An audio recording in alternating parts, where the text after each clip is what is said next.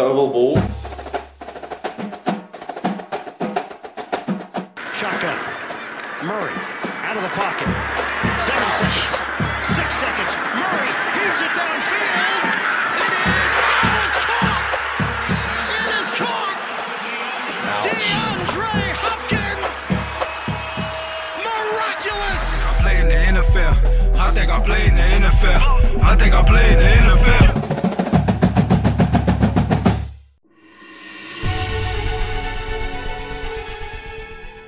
Hjertelig velkommen til Oval ball.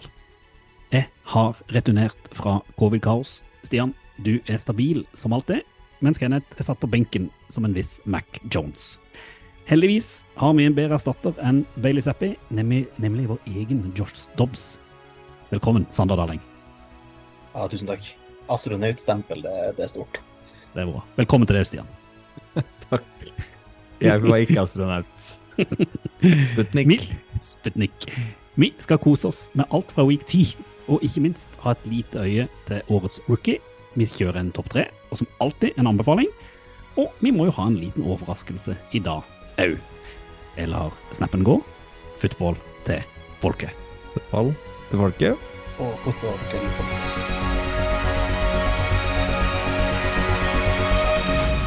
Astronautstempel, er ikke det? Det er en hedersbetegnelse for Sander. Ja, det er topp topp tre betegnelser jeg har fått, tror jeg. Ja. Eh, For folket som ikke skjønner den eh, astronautvitsen kobla til Josh, Josh Dobbs, eh, kan ikke du forklare kort? Ja, nei, han er vel eh, Han er rocket science eh, Eller rocket scientist, egentlig. Det er det han har Jeg kan man si graden sin i. Det er vel der, eh, der den legeste så NASA hadde vært ute og gitt han, eh, gitt han noen komplimenter etter, eh, etter helga. Er Syns ikke det- hjernekirurgi, da. Ja. Du trenger ikke være rakettforsker for å få dette til, nei. Men uh, det er dobs, så det, det er ikke galt. Åssen går det med deg sånn ellers? Det går bra. Uh, irriterer meg litt om dagen, det er eneste. Irriterer det? Ja, nei, jeg tenkte bare bruke, bruke de, den korte introen her til å bare ta det opp. Kan vi, altså, kan vi slutte med å VG i dag kom ut med en kjempebra artikkel om eh, en viss tidligere Rødt-leder som hadde vært og mm, stjålet i flere butikker, med ja, sitat om at han hadde psykiske problemer. Da.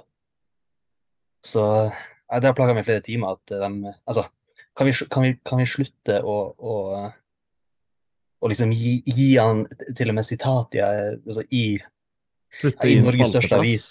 Ja, med liksom den største bullshit-unnskyldninga i hele verden.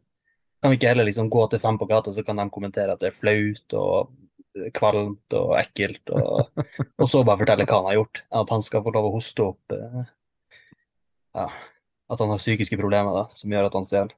Er fantastisk. Jeg merker at da, noe kommer irritasjonen fram. Det, det, det kan jeg like. Hva tenker du, Stian? Mer av det. Mer av det. Få, ja, få det fram. Jeg skal jo si det sånn at man skal jo ikke, og det er jo kanskje det store problemet, sånn, at man skal jo, hvis man begynner å kødde med psykiske problemer nå, så, så er det liksom som å tråkke, da er man veldig politisk ukorrekt, for det at alle, det er jo, eh, man alle har det jo liksom i familie, og mange har, vi har det jo selv, men jeg, jeg er jo på en måte litt, litt enig med det, for her føler jeg rett og slett at det brukes eh, som en unnskyldning at eh, hadde jeg ikke hatt psykiske problemer, så hadde jeg ikke stjålet. Det er jo ikke på, på, på altså, det er jo ikke en syk det er jo ikke det, er ikke det som gjør at du stjeler. Jeg er helt enig med det. Så den, eh, man, han balanserer på en knivsegg. Ja, det, det, altså ja, Nei, jeg blir provosert. Og nå har det vært veldig mange voksne folk som har Vet dere veldig hva, dårlige hva er valg. definisjonen på kleptomani? Det er vel at du stjeler bare på Mm. Dette på instinkt, på en måte. Altså, hvis man- vi skal definere, så er det en psykisk lidelse som fører til at du stjeler. Da er du god, Stian. Men da kunne han kanskje sagt at han har kleptomani. Ja, men han kanskje ikke har kommet helt dit, da. Nei, han har ikke sett det sjøl i speilet. Nei, men sånn, sånn ellers at du irriterer deg over Rødt-ledere, og at folk eh, påberoper seg psykisk sykdom for å eh, unnskylde dum atferd. Eh, går det ellers bra med deg, Sander? Ja, utenom det så går det veldig bra. Ja. det er flott. Du ser Det er ikke. litt sånn Ja, nå er jeg er jo bare ja, kan man si gammel ungdom, så det er jo mye man ikke forstår, da. Men eh, akkurat, den, akkurat de norske politikerne de har irritert meg grovt de, de siste månedene. Så det ble liksom toppen av alt da, å se, se provoserende eh, Bjørnar Moxnes stå og fortelle om sine psykiske problemer etter, eh, etter politianmeldelsen, da, riktignok. Ja, Hjertelig velkommen til den dagsaktuelle podden Oval ball, hvor vi kommenterer dagsaktuelle Nei da, men det er godt at du får det ut. i arrangerer hvert fall. politikere. Du da, Steinar. Steinar, sier jeg. Stian. Steinar. Ja, du er steinhard, Stian. Eh, hvordan går, eh, går Irriterer du deg over ny kunnskapsminister og, og sånn, eller eh, hvordan er livet på Sofiemyr? Mm, bra. Jeg hadde besøk av en eh, politiker her på jobb eh, forrige uke. Besøk av ny byråds, eh, byråd for utdanning i Oslo. Julie Remmen Midtgarden heter hun. Hyggelig Ja. dame. Så bra. Så der, eh, det, er, det er det vi har med politikere å gjøre. Ja, men det er nok i massevis, ikke det? Mm? Jeg sier det er nok i massevis, ikke det? Jo, jo, holder, holder. La oss holde på med Det, dagligdags det, den må du holde, holde på hele, hele sendinga, Sander, for her kommer det komme mye gullkorn rundt NFL. Jeg tror jeg. Litt irre, ja. Nei, jeg, altså jeg har ikke noe, har ikke noe melde. Jeg hadde, jeg hadde sånn dobbel dose med frysing nå i helga, for det var på fotballcup ute på Nordby. Har du vært på Nordby og spilt kamp sånn, Sander? Ja, det, det Oppå Tusenfrydtunnelen, liksom? Det er kaldt. Jeg var i Nordbyhallen i helga. Er det samme Jeg Ja, heter det er- Nordbyhallen. Opp med bare... rommen eh, Jo, Nei, det er, det er ikke samme. nei, ok, feil det Nordby. Mm, feil. Feil ord. Nordby. Det er et annet sted. Men det her var i uh, hvert fall kaldt nå i helga. Det sitter fortsatt litt i. Mandag i dag. Uh, det her var søndag formiddag sist. Mm. Mm. Du Reir, covid ferdig? Ja, altså jeg har hatt det veldig sånn som det, den der frysinga. Eh, For den dukka jo opp. Jeg fikk jo covid på mandag og lå og frøs i tre dager. Nå, nå ferdig. Og så på lørdag så gikk vi ut i, i livet og skulle leke med nabokiden. Det var jo stas. Da kom vi liksom litt ut av huset. Fikk vi en eh, melding en time etterpå. Nabogutten har spydd. Der er det omgangssyke. Da fikk min samboer så hetta at hun bare fant ut nå evakuerer jeg, så hun tok med seg den minste, og så stakk hun bare. Så jeg sitter hjemme alene med den eldste. Hun holder seg da ennå vekke for uh, ett døgn til, seg med liksom free. Hun orker ikke mer sykdom. Så eh, det er det jeg driver på med denne uka. Sykdom. Som alltid, vaksine? Du du burde stå først i køen på sånn influensavaksine. Ja, ja, jeg skal ta vaksine. Jeg skal ta vaksine med han minste, nei, han eldste i morgen. Så her kjører vi eh, jeg tok i dag Du gjorde det, ja? Ja, Ja, de kom på jobb og, og serverte den. Ja, de, de skal gjøre det på jobb hos oss òg, men vi er litt seint ute hos oss. Så det kommer ikke før i desember, tror jeg. Så Nei, da har jo, er- du, har jo du vært sjuk eh, ganske lenge allerede. Ja, altså Syk på det her, og syk på det der. Men jeg tror vi må, selv om vi sikkert kommer til å prate politikk, apropos politikk, jeg må jo bare si det sånn eh, Hvis noen der ute har privatnummeret til vår nye klimaminister, hva heter han for noe, Andreas Bjelland eller noe? For han hadde jo gitt et intervju i Stavanger Aftenblad, uh, hvor han da hadde sagt at uh, han hadde spilt uh, fantasy i NFL i tolv år, og brukte veldig mye tid på å sette seg inn i både spillere og, og spillet. Så der tror jeg vi plutselig har en politiker som vi burde få som gjest. Så dere ute på Kanskje ikke dere skal sende privatnummeret på, på sosiale medier, men iallfall send oss en DM på Oval ballpod på Instagram, eh, Facebook eller eh, Twitter, om dere vet om han eller andre politikere som vi kan invitere her, som Sander kan få lov å hakke litt på. Eh, eller om dere har andre tips vi skal ta opp, så blir vi glad for det, om ikke det, Stian? Veldig glad for. Kjør på. Eller Vi kontakt trenger etter eh, mer av det. Ja. Ja, vi gjør det. Nå rundball. Nei da, nå ovalball.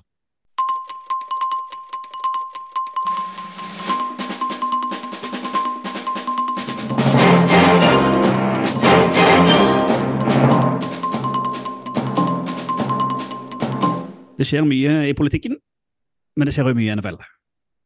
Og eh, i dag, det var vel i dag eller i går, så kom det nyhet om at eh, Hard Knocks in season har eh, premiere nå i november, Stian. Det stemmer, det stemmer. 21. november er det um, sesongpremiere. Og du har fått med hvem du skal følge, Sander? Nei, jeg hadde glemt at det var Hard Knocks in season. Ja, det kommer, og du blir glad for å høre at de skal følge Miami Dolphins. Ja, for det så jeg, så jeg tenkte det var jævlig tidlig de var ute og annonserte Arnox før sommeren. For som sagt, Det er ikke så rart, det, eh, når hun skal følge det her. Ja, ja. men det er bra. Det er godt, godt valg, rett og slett. Ja, det tenker jeg også. Få litt mer uh, Josh McDaniel i Nei, heter han? Fornavn Med Mike? Nei. Mike Jo, McDaniel. Mike. Mm. Og litt med med- han litt andre kameraten som forsvant. Mm. Men det blir hyggeligere med, med han i målhistoria. Definitivt. McDaniel hadde vært litt tungt. Oh, ja, I hvert fall nå, når han ikke har jobb. Det var det jeg tenkte. Det hadde vært lite in season. Reality-TV. Hva gjør han? Ah, eh, en til som eh, kanskje òg skulle, skulle vi si er ferdig, det var at Patriot 2 sendte tur til Tyskland. Og kanskje det var den der berømte spikeren i kista for uh, Mac Jones som uh, QB. Har du sett tyngre fotballkamper uh, i år? Jeg så Jeg har ikke sett kampen ennå. Jeg hadde hadde én plan i helga. Det var å Som sagt, så dro jeg til. Nordbyhallen. Jeg måtte velge om jeg skulle se kamp eh, lørdag eller søndag. der. Eh, og så så jeg på Så tenkte jeg sånn Nei, det er NFL i Tyskland på søndag, så da blir det lørdag. Og så så jeg hvem som skulle spille, og så for jeg for jeg søndagen i stedet. Så valg. Det var, ikke sett eh, etterpå, eller det var ikke det store. Traff på Pontus i stad. Bytte. Jeg var ute og lufta hunden. Traff Pontus. Gikk ute med eh, Patriots-lue. Jeg lo, han lo, han skjønte hvorfor, og vi utveksla ingen ord. Nei, men det er ikke bare Max som er ferdig, nå er vel kanskje Bill òg snart ferdig, hvis det fortsetter sånn som dette her. Flytte franchisen nå, tenker jeg. Ja, jeg fikk melding fra, fra en, eh, en kompis som holder med Patriots, og han ville ha Han var tydelig på at han ville ha begge ut nå. Det var på tide med også at man så litt eh, andre veier etter å Få Bill Belichick ut. Det tror jeg for så vidt er, er ganske fornuftig, dessverre. Vi får uh, se, det er jo ikke en nyhet, men uh, vi får se om han Mac Jones får lov å spille noe mer som eh, første QB. Uh, apropos QB, eh, GM i Giants har vært og kikka. Ja, han heter Joe Shone, tror jeg han heter, eh, hvis man uttaler det riktig. Er ikke jeg eh, engelsklærer, jeg tror det var i nærheten av noe sånt der. Han eh, har vært mye og snoka på collegekamper nå, og Joe Sean, han var sist sett eh, spionerende på Skal være forsiktig med å bruke spionuttrykk når man snakker om collegefotball i dag, kanskje. Eh, men han så på Drake May. UNCs quarterback Drake May. Og han ser jo ut som en eh, liten luring når vi snakker eh, potensielle draftpicks eh, kommende, kommende draft. Ja, jeg så uh, The Athletic siste, sin siste sånn uh, big board-oppdatering, så var det Drake May som var nummer én. Mm. Uh, og altså, klart Sånn som ja, sånn som tilstanden er i Giants, er det ikke utenkelig at hvis ikke Joe Shane Showen ja, uansett får Altså Hvis han ikke velger en ny quarterback nå, da, så blir han nok ikke å få velge noen ny quarterback, antakeligvis. Sånn som eh, ja, sånn som Daniel Jones har spilt og kan tenkes fortsette å spille. Ja, det ser jo tungt ut å få trade han bort, da, med den kontrakten han kanskje har eh, hengende over seg der. Hva var det han skrev under på? Var det 160 millioner?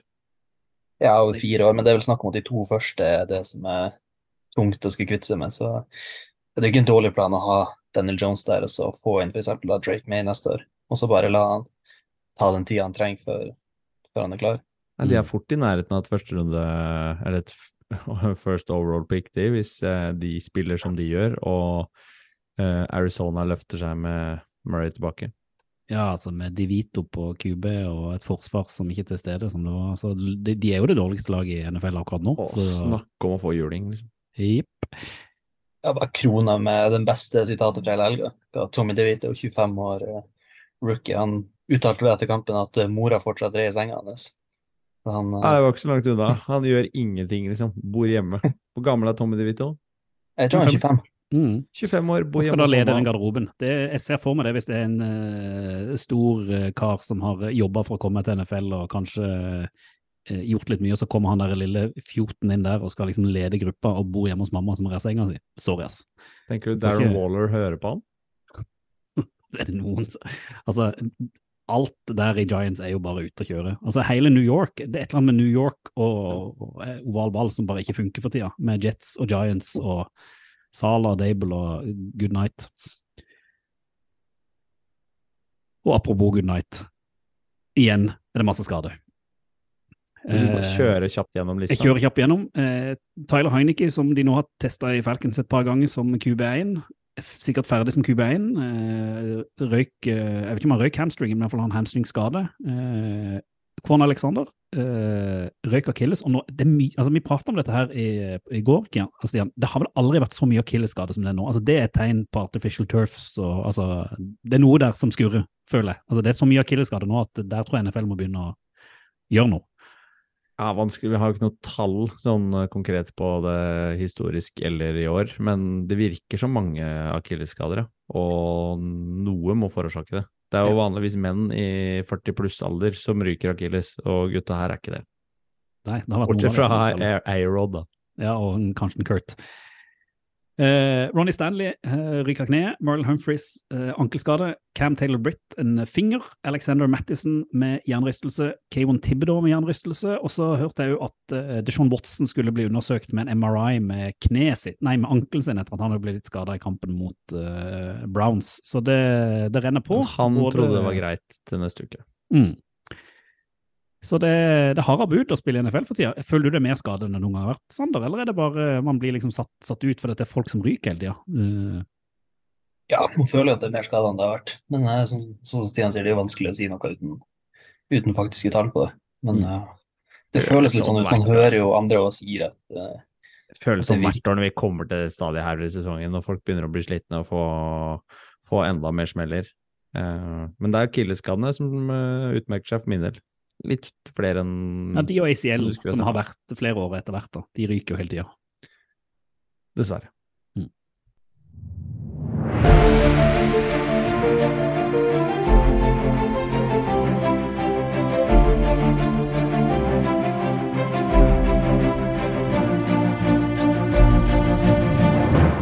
Vi benker oss foran eh, skjermen denne runden, og du Stian, du gleder deg jo veldig til å se ditt eh, kjære 49ers etter en eh, bye, og man var jo litt usikre på hvordan det lå an. Skulle møte Jaguars i Jacksonville.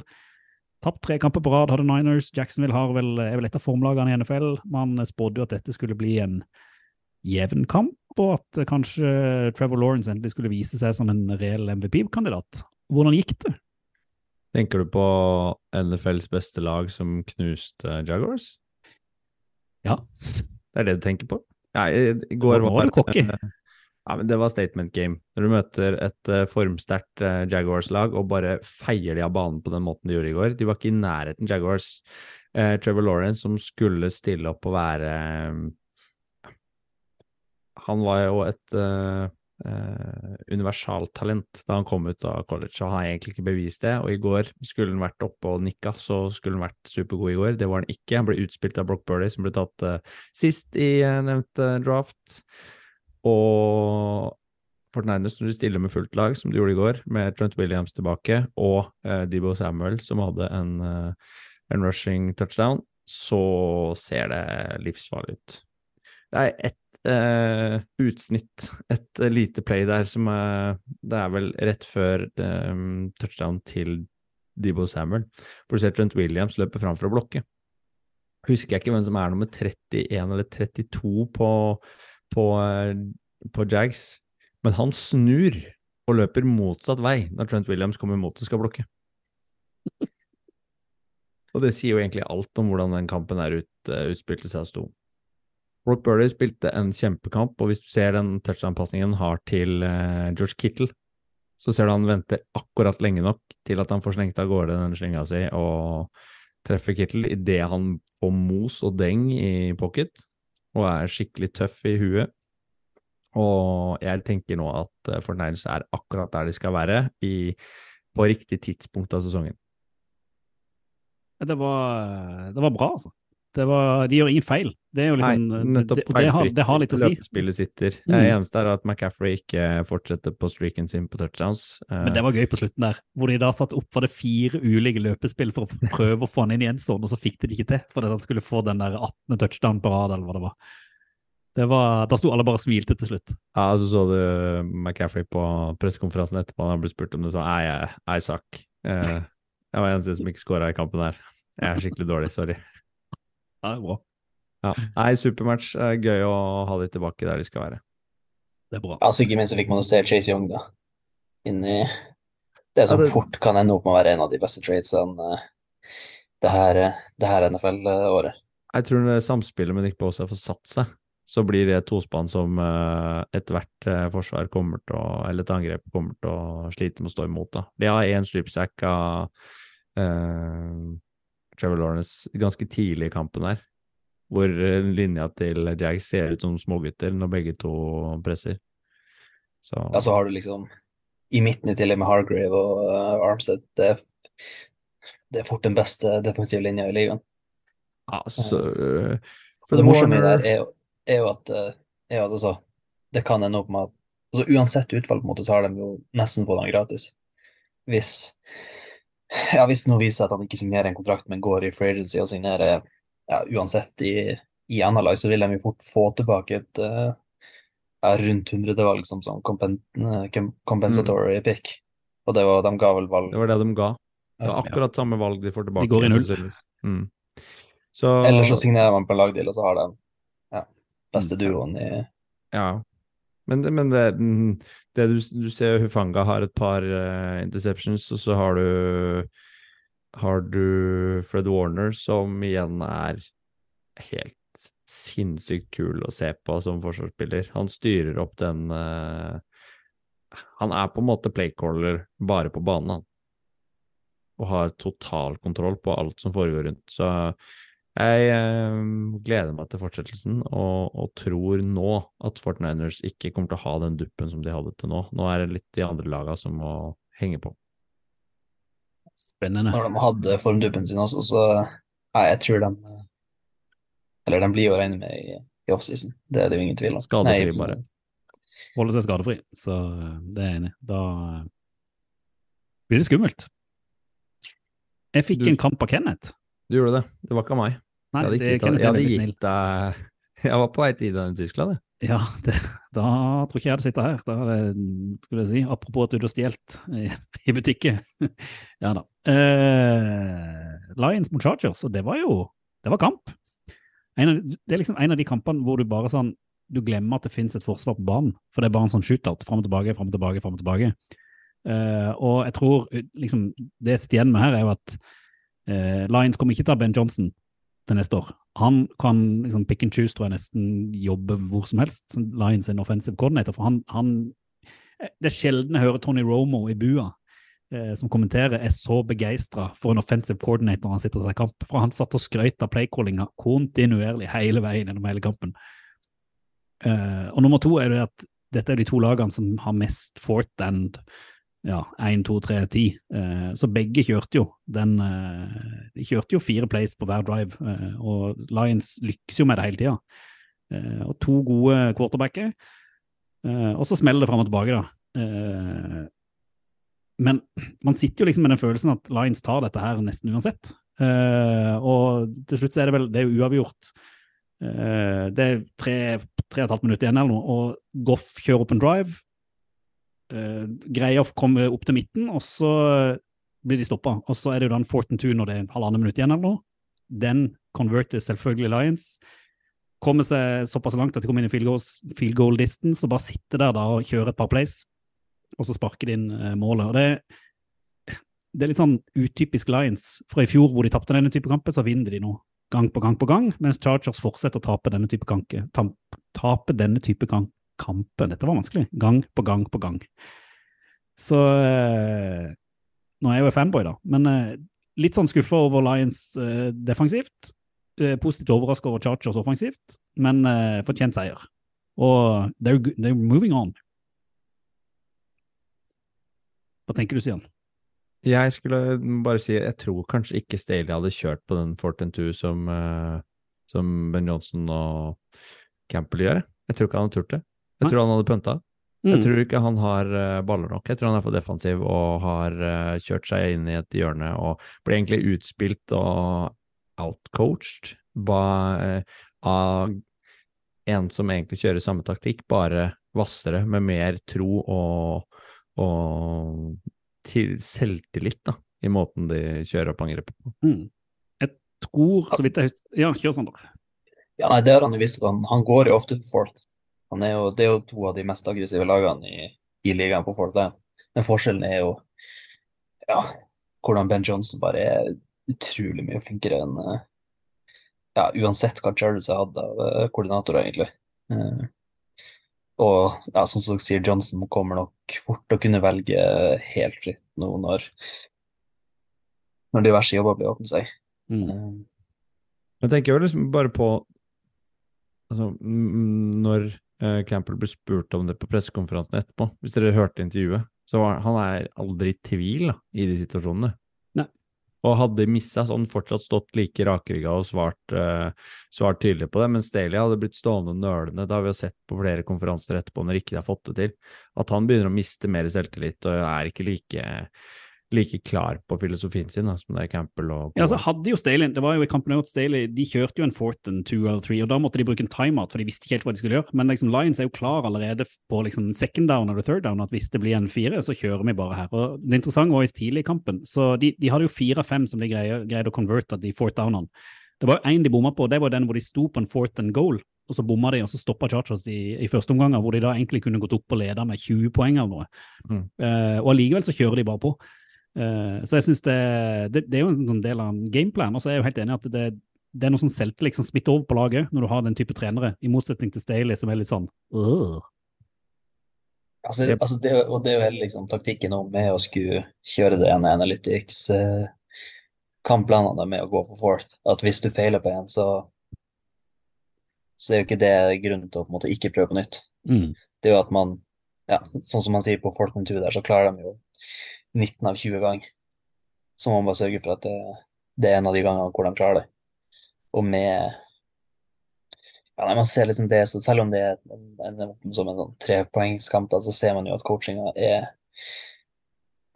er, er helt, på helt forskjellige enden av spekteret. Eh, Så er det noe med løpespillet til Lions. Jeg imponerer eh, altså Montgomery etter den overgangen dit, eh, sammen i tospann med Jammer Gibbs, er jo en, en av de dødeligste duoene i hele ligaen. Og der har de også De konverter en sånn fourth and six ved å løpe Ja, det var ganske tidlig i matchen. Og det er jo hinsides hvor, hvor tro du har på, på running backsa dine og offensive line, da. Med Frank ja, er i spissen. Ja, det er jo hele kjerna og i den Ben Johnson-skeamet. at uh, den Altså, ja, NFLs beste offensive linje, og spesielt når Montgomery og Gibbs du kan eh, kjøre tospann, så, så er det liksom kjerna i, i offense. Og så kommer jo da et lag må, nødt til å ta hensyn til det. Sånn Mm. som man ser på den, eh, det som ender i en touchdown til Brock Wright, det. Mm. Hvor det bare er sånn som Hvis Charter ikke prøver å demme opp for det løpet, så, så har de ikke sjanse uansett. Så får de bare blottlegge seg bakover med at en uh, Titan 3 sl- slipper gjennom, på en måte. Ja, men det er der du ser at Jared Goff uh, ha- han spilte seg opp fordi han har det løpespillet og den linja og, og lene seg litt mer på enn han har hatt i andre lag. da. Uh, og han spiller jo på seg selvtillit, han òg, som helt sikkert smitter over fra coachingstaben og liksom selvtilliten som ligger i hele, hele angrepet og hele organisasjonen der. da. Han gjør veldig få feil, Jared Goff, og spiller jo sin beste fotball i karrieren. Ja, han er kjempegod, det minner jo om, eh, minner jo når han var, var i toppform i Rams også. Mm. Man ser jo de samme, man ser de samme tingene. Jepp. Og så må vi skryte litt av Chargers og kanskje spesielt Keen Allen, som eh, er jo helt unplayable eh, mot eh, Jets, for, nei, Jets, ja, et Lions-forsvar som rett og slett ikke greier å håndtere han, og Herbert som han er jo ikke helt 100% pga. den fingerskaden, men jeg syns han leverer på et uh, nivå som er ganske sykt allikevel. Og så apropos rookies, det er første kampen hvor jeg har sett Quentin Johnson nesten eh, får flere enn liksom én eller to targets, og får en touchdown òg. Så det er jo litt spennende å se at han kanskje kommer litt i gang, Sander. Ja, og, det er det, altså, og de jobber, de jobber hardt med kampen for å få han inn. Mm. Altså, han Jeg syns han er jo på ingen måte overbevisende siden den matchen. Han må virkelig tvangsfòres for at de eh, ser noe For at han, han får noe eh, Han klarer å påvirke det. Men ja. ja, han skårer en touchdown og får litt yards og er jo med på liksom å, å bidra til at et offense som er ganske skadeskutt, klarer å, klarer å matche opp med Lions til en viss grad. Men det er jo altså, det er jo Herbert som gjør denne kampen jevn. Mm. Det må man jo kunne si. Så tenk jeg at du Å ja, kjør på. Ja, jeg, jeg vil bare Ja. si en ting til. eh, til eh, både Jared Goff og eh, egentlig Herbert. som, som står opp. Men det, det som skiller brorparten, er jo, er jo løpespillet. Eckler starter vast, men slukner. Mens løpespillet til Detroit, der løper jo Montgomery for 116 yards og Jammer Gibbs for 77. Mens Eckler stopper på 67. Mens Herbert og, og Goff sin stats er relativt like. De kaster for 330 og 360 yards eller noe sånt. Så det skiller seg ut i løpespillet, og der er Lions uh, virkelig uh, på en uh, hot steam, og det står 7-2. First seed contender, det. Coach of the year, coach of the year. Men det er en annen diskusjon. Eh, Sander, vi ba deg om å velge ut en kamp som ikke var disse to, som du hadde lyst til å si noen ord om, som du satt og kikka litt på i eh, denne runden. Eh, nå håper jeg jo ikke du har valgt eh, kamp fra Tyskland eller Bears Panthers, men det tviler jeg vel på. Ja, nei, jeg styrte ganske greit unna dem. Eh, som sagt så var det, var det andre ting som frista mer der på, eh, på søndagen. Eh, jeg fikk, jeg fikk en melding, jeg kan bare ta det to sekunder. Eh, jeg var på søndag så var jeg og så, så futsalkamp, da, hvor eh, det er eh, en kompis som heter Sindre Eggen, som er en sentral og viktig eh, spiller på det norske landslaget i futsal. Eh, så vant de 6-5, da. Skulle bare snike inn Jeg vet ikke om vi må reklamemerke den. Han vippser meg ganske greit for å bare name-droppe han sånn. Det blir dyrt, det. det, blir dyrt det men det er greit. Men da gjorde jeg at jeg slapp å se det begredelige New England-offensivet, og kan heller velge å fokusere på eh, Houston Texans mot eh, Bengals, dessverre. Eh, hvor man ser uh, ja, Joe Burrow har vi prata masse om, men uh, det som har blitt en av de kuleste quarterbackene som har entra ligaen siden Joe Burrow kom, og da Justin Herbert sin nevnt i stad. Og en av de akkurat nå morsomste lagene å se å se spillet, egentlig, uh, i Houston Texans, som uh, slår uh, Cincinnati Bengals på bortebane, som er i seg sjøl ganske sterkt. men ja, nei, jeg tror hvis jeg hadde satt penger på forhånd på 5-4-record på Houston Texans, så hadde du fått ganske spinnvill odds på det. Oh. Det med Burrow, fordi de leverer omtrent på samme, på samme yards, de også. Men han kaster én inch og blir sacka én gang, eh, Stroud, mot egentlig et ganske vast eh, og et forsvar hos Bengals som er liksom på oppadgående, med Trey Hendrickson i spissen. Og så står Burrow på andre siden og kaster to inch, blir sacka fire ganger og setter eh, omtrent samme, samme yardage som, eh, som Strada, og får mye meddeng. Ja, du, du, kan jo si at uh, Burrow har jo sin, uh, sin skyld i, uh, i, at de taper. Men til slutt, når de faktisk da ender opp med å få sjansen med en ja, veldig, veldig sjelden uh, Serious Stroud-miss, hvor han kaster det som kanskje burde vært en pick six, uh, helt på tampen. Når de egentlig bare kan han får den inn der, ja. Mm. ja. Eh, så ender det opp med at Burrow har sjansen, og han stormer jo banen til slutt og kaster jo egentlig en, en det jeg tror hadde blitt en game-winning touchdown, men som Tyler Boyd bare nekta å Har du sett maken til uh, den ja. hot potato uh, ja. live TV, liksom? Ja, det var, det var helt utrolig. Uh, jeg holder jo som sagt med Bengel, så det var jo ganske ganske kjedelig å se at uh, den Ja, det må arrestere meg på, men jeg tror jeg hadde tatt den der sjøl, hvis jeg hadde vært i den situasjonen. Hvis jeg hadde, hvis jeg hadde stått der, fått den ballen der, den, den tror jeg hadde tatt inn. Ja, han, han mister den liksom, ikke én gang. Han mister, jo, han mister jo ballen fire ganger i løpet av tre sekunder. Helt, uh, helt fantastisk. Men uh, altså, man skal ikke ta det vekk fra tekstens at det, For det første, det er veldig kul å se på. Det det er et uh, veldig spennende defense. Mye unge, kule spillere i f.eks. Will Anderson, Petray. Derek Stingley er tilbake igjen nå. Uh, vi ser jo flere av ja, det, er det er veldig mye veldig mye unge spillere på rookie-kontrakt som uh, de kan bygge på nå i et par år. Uh, Demico Ryans er jo en av de kuleste headcoach-ansettelsene denne sesongen. Du har Cedar Stroud, som egentlig er så man, Man lager litt unnskyldninger for en del andre quarterbacks, men det han har å kaste på, det er ikke imponerende. Robert Wood, som egentlig på mange måter har lagt opp for et par sesonger siden, og Tank Dell, som er bitte liten.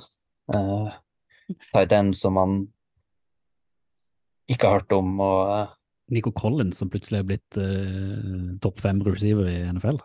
ikke sant, Han er ikke med i dag engang. Nei, ikke sant. Uh, John Metchie, som er ja, tredjevalget, fjerdevalget i denne matchen, han har nettopp hatt eh, kreft. Så det er liksom har altså, liksom Det han Brown får til med det her, er imponerende. Mm. Dalton Schultz og Brown og uh, Devin Singletary står jo kanskje frem som de vasseste offensive våpna ved siden av Stroud, syns jeg, da. Uh, Singletary har 150 yards, 30 carries og Som. RB2, det er jo litt kult. Altså, Ja. han, ja, fordi at Pierce ikke spiller.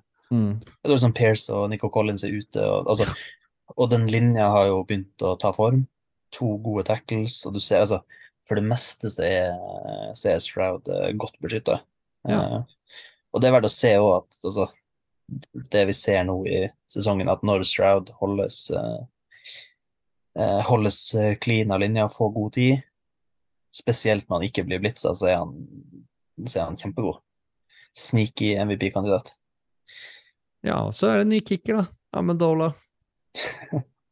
Klart det kan hete han eh, Ogun, Ogunbavala. Han var jo Ja. ganske, ganske fin mot Bucks der, men eh, Han hadde jo en helt fantastisk return tackle på Bengals på et sånn punt, eller en, eh, hvor han takla helt ned med goal line. Så han gjorde liksom impact denne gangen òg, i special teams. Og så ser vi igjen, altså i likhet med Lions Chargers, så er det, det er forskjell på coachinga i denne kampen her. Eh,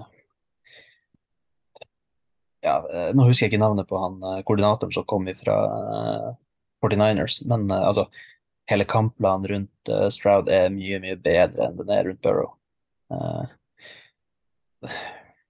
Ja, bare, bare måten de eksempel pakker inn er mye mer plays i play action og fakes, og det skjer mye mer som er vanskelig å forholde seg til. Altså, Bengals-forsvaret har jo ikke sjansen til å toppe løpespill i det hele tatt.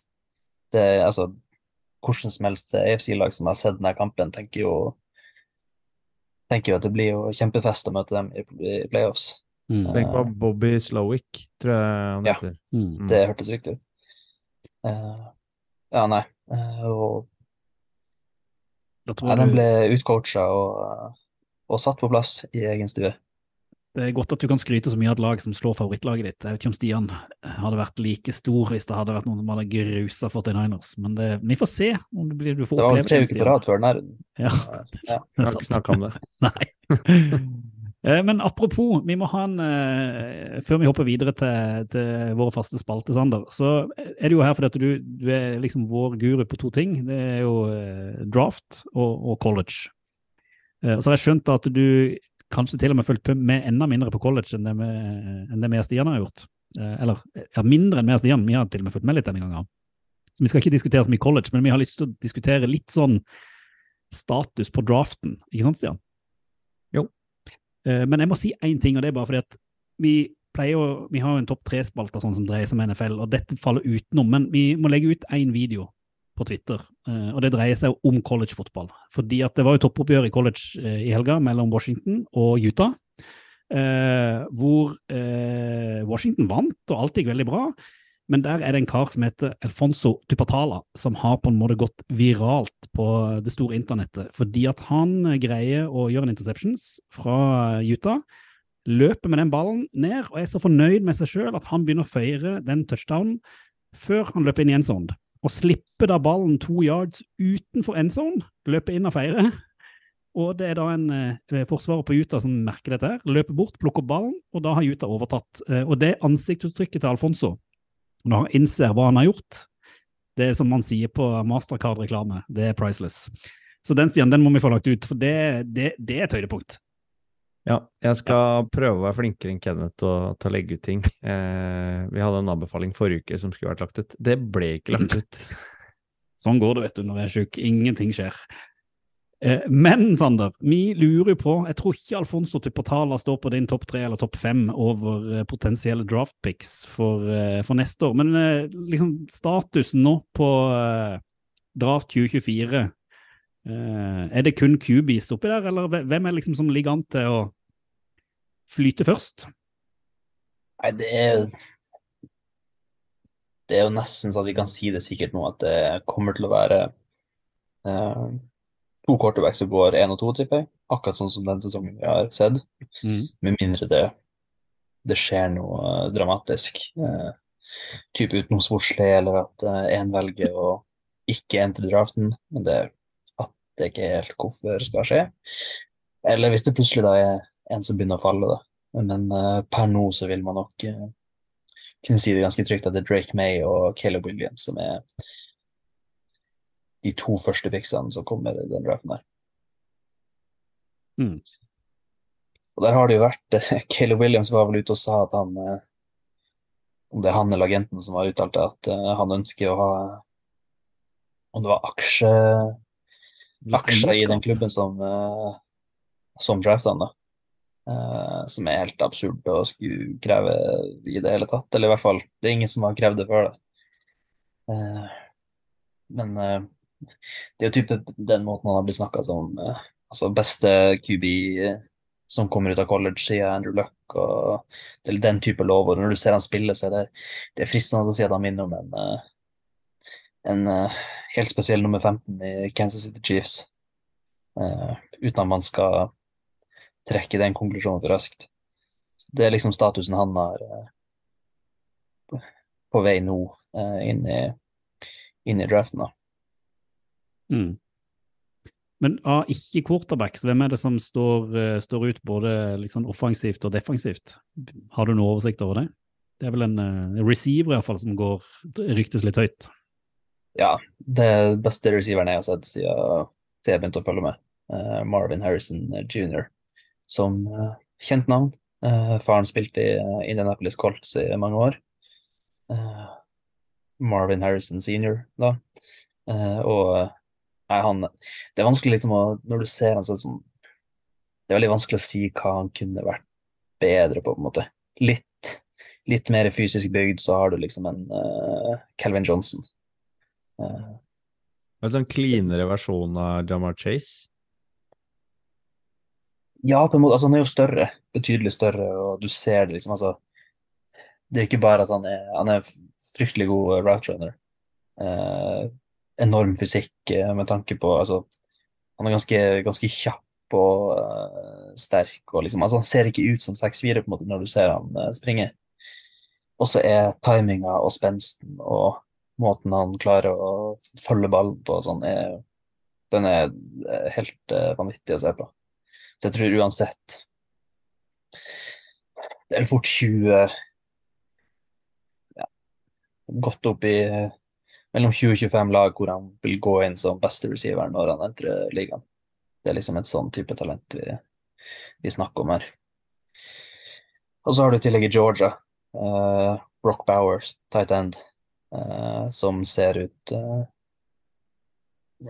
Ser også helt insane bra ut. Det er liksom På mange måter så er han jo bedre enn det Carl Pizza når han kom ut, bare at du ikke har det samme sånn atletiske eh, taket på han. da. Eh, Det blir spennende å se etter Carl Pitts-draftinga om det påvirker hvordan lag ser på Bowers, eller om eh, man får se på nytt igjen en som går topp fem. Mm. Og defensive, hvem er det som står ut som liksom den beste defensive spilleren? Det er en håndfull edge-spillere som Mm. står frem. Um, Jared Worse, eksempel, fra Florida State. Jeg vet ikke om vi prata om han i fjor. Uh, men han var favoritt-edgen min etter Will Anderson i forrige draft.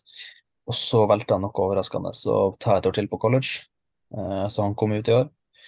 I lag med Chop Robinson i Penn State. Uh, Layatu Latu og Dallas Turner, som er liksom de fire mest uh, snakka om og liksom ja, de fire beste pass da, som kanskje de vil høre mest om. Uh, Så har han kanskje med kuleste navnet i, i toppen der, som cornerbacken. Vet du, han er Cool Aid. McKinstry. Han er bra. Han fra Alabama. ja, Bokstavelig talt et kult navn. Ja. Uh, ja, nei, han, er også, han, ser, han kommer nok til å gå inn og være en uh, være Han går i første runde, eh, han tror jeg. Ja, han går nok veldig greit inn i første runde. Så er spørsmålet liksom hvor Spørs hva man trenger, da. ikke sant, og hvor, hvor bra kan han bli, på en måte. Mm. Uh, Han vil nok være en god starter uansett, men uh, altså, neste, sen- altså, han, det blir vel, altså Av han- corneret da, så blir vel neste type sånn Josh Newton, er det han heter? Han i TCU? Ja, det er flere som vil si at han kanskje er bedre òg. nei, ja, eller Josh Newton, også Nate Wiggins i Mm. Clemson. Eh, og Cooper DeShawn i Iowa. Så det, altså, det er en bra corner class også. Eh, så der vil det nok eh, Der vil jeg nok se at lag har dem litt forskjellige. Eh, og at mye har jo bare der på hvem vurderer man liksom kan bli den Jeg skal ikke si ny, men liksom, hvem er på en måte Sauce Gardneren i, i flokken der? Hvem er det som kan gå inn og være en lockdown cornerback 1, og hvem vil være en bunnsolid starter uansett? Det blir gøy, dette, Stian. Mm. Det er alltid gøy. Nå har vi jo gøy. sett mer college enn noensinne, så det vi, har, vi må snart slutte å jobbe og følge med på dette her eh, fast. For tatt ta et år med studier, så har dere god tid til det. Topp tre. Tre topp. Pott tre. Opp tre. Topp tre. Oval vals, topp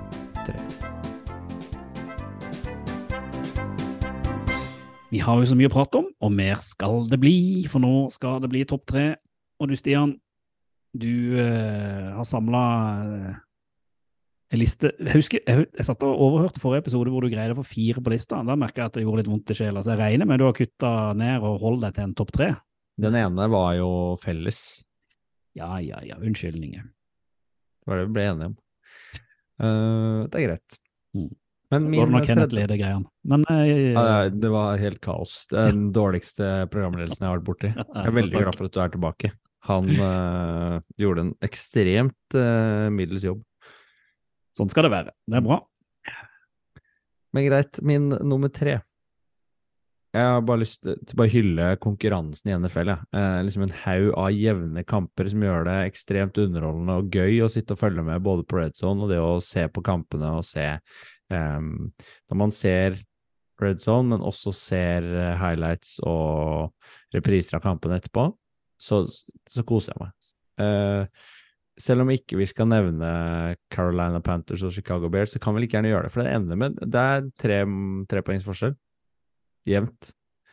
Eh, Cleveland, Baltimore, eh, eller Browns og Ravens, da. 33-31. Packers, Pittsburgh, 23-19. Uh, Vikings og Saints, 27-19. Nei, ikke så tight, men ganske. Uh, Lions og Chargers, vi snakka om. Uh, 41-38. Cardinals, Falcons 25-23. Seahawks, Washington 29-26. Og eh, Jets, Raiders 16-12 avgjort på en Hail Mary på slutten. Du, du har så mange jevne kamper. Det var vel fem stykker som går til, eh, som går til eh, siste kick. Og det gjør det kjempespennende å følge med, og, og gøy. Så det var min nummer tre. Det var en fin tredjeplass, syns jeg. Ja. Eh, nummer to eh, har vi også vært innom, eh, for jeg har bare lyst til å hylle CJ Stroud en gang til. Han må nevnes eh, på, på den lista her, rett og slett fordi han fremstår så mye mer outstanding nesten enn det vi kunne sett for oss at han skulle være. Altså Vi visste at Bryce Young og CJ Stroud kom til å være gode, men at CJ Stroud skulle stå ut og være så solid, så eh, underholdende og så treffsikker og rolig i de pressa situasjonene som han er om dagen, og spiller seg så varm i den Texans-trøya med relativt nykomponert lag rundt seg, er kanskje den største overraskelsen, men samtidig også noe av det morsomste som har kommet ut av ligaen til nå. Så det er min nummer to. Og nummer én, der kommer den. Der kommer han. Det regner jeg med. Jeg tror jeg Ja, ja. veit hvor du skal.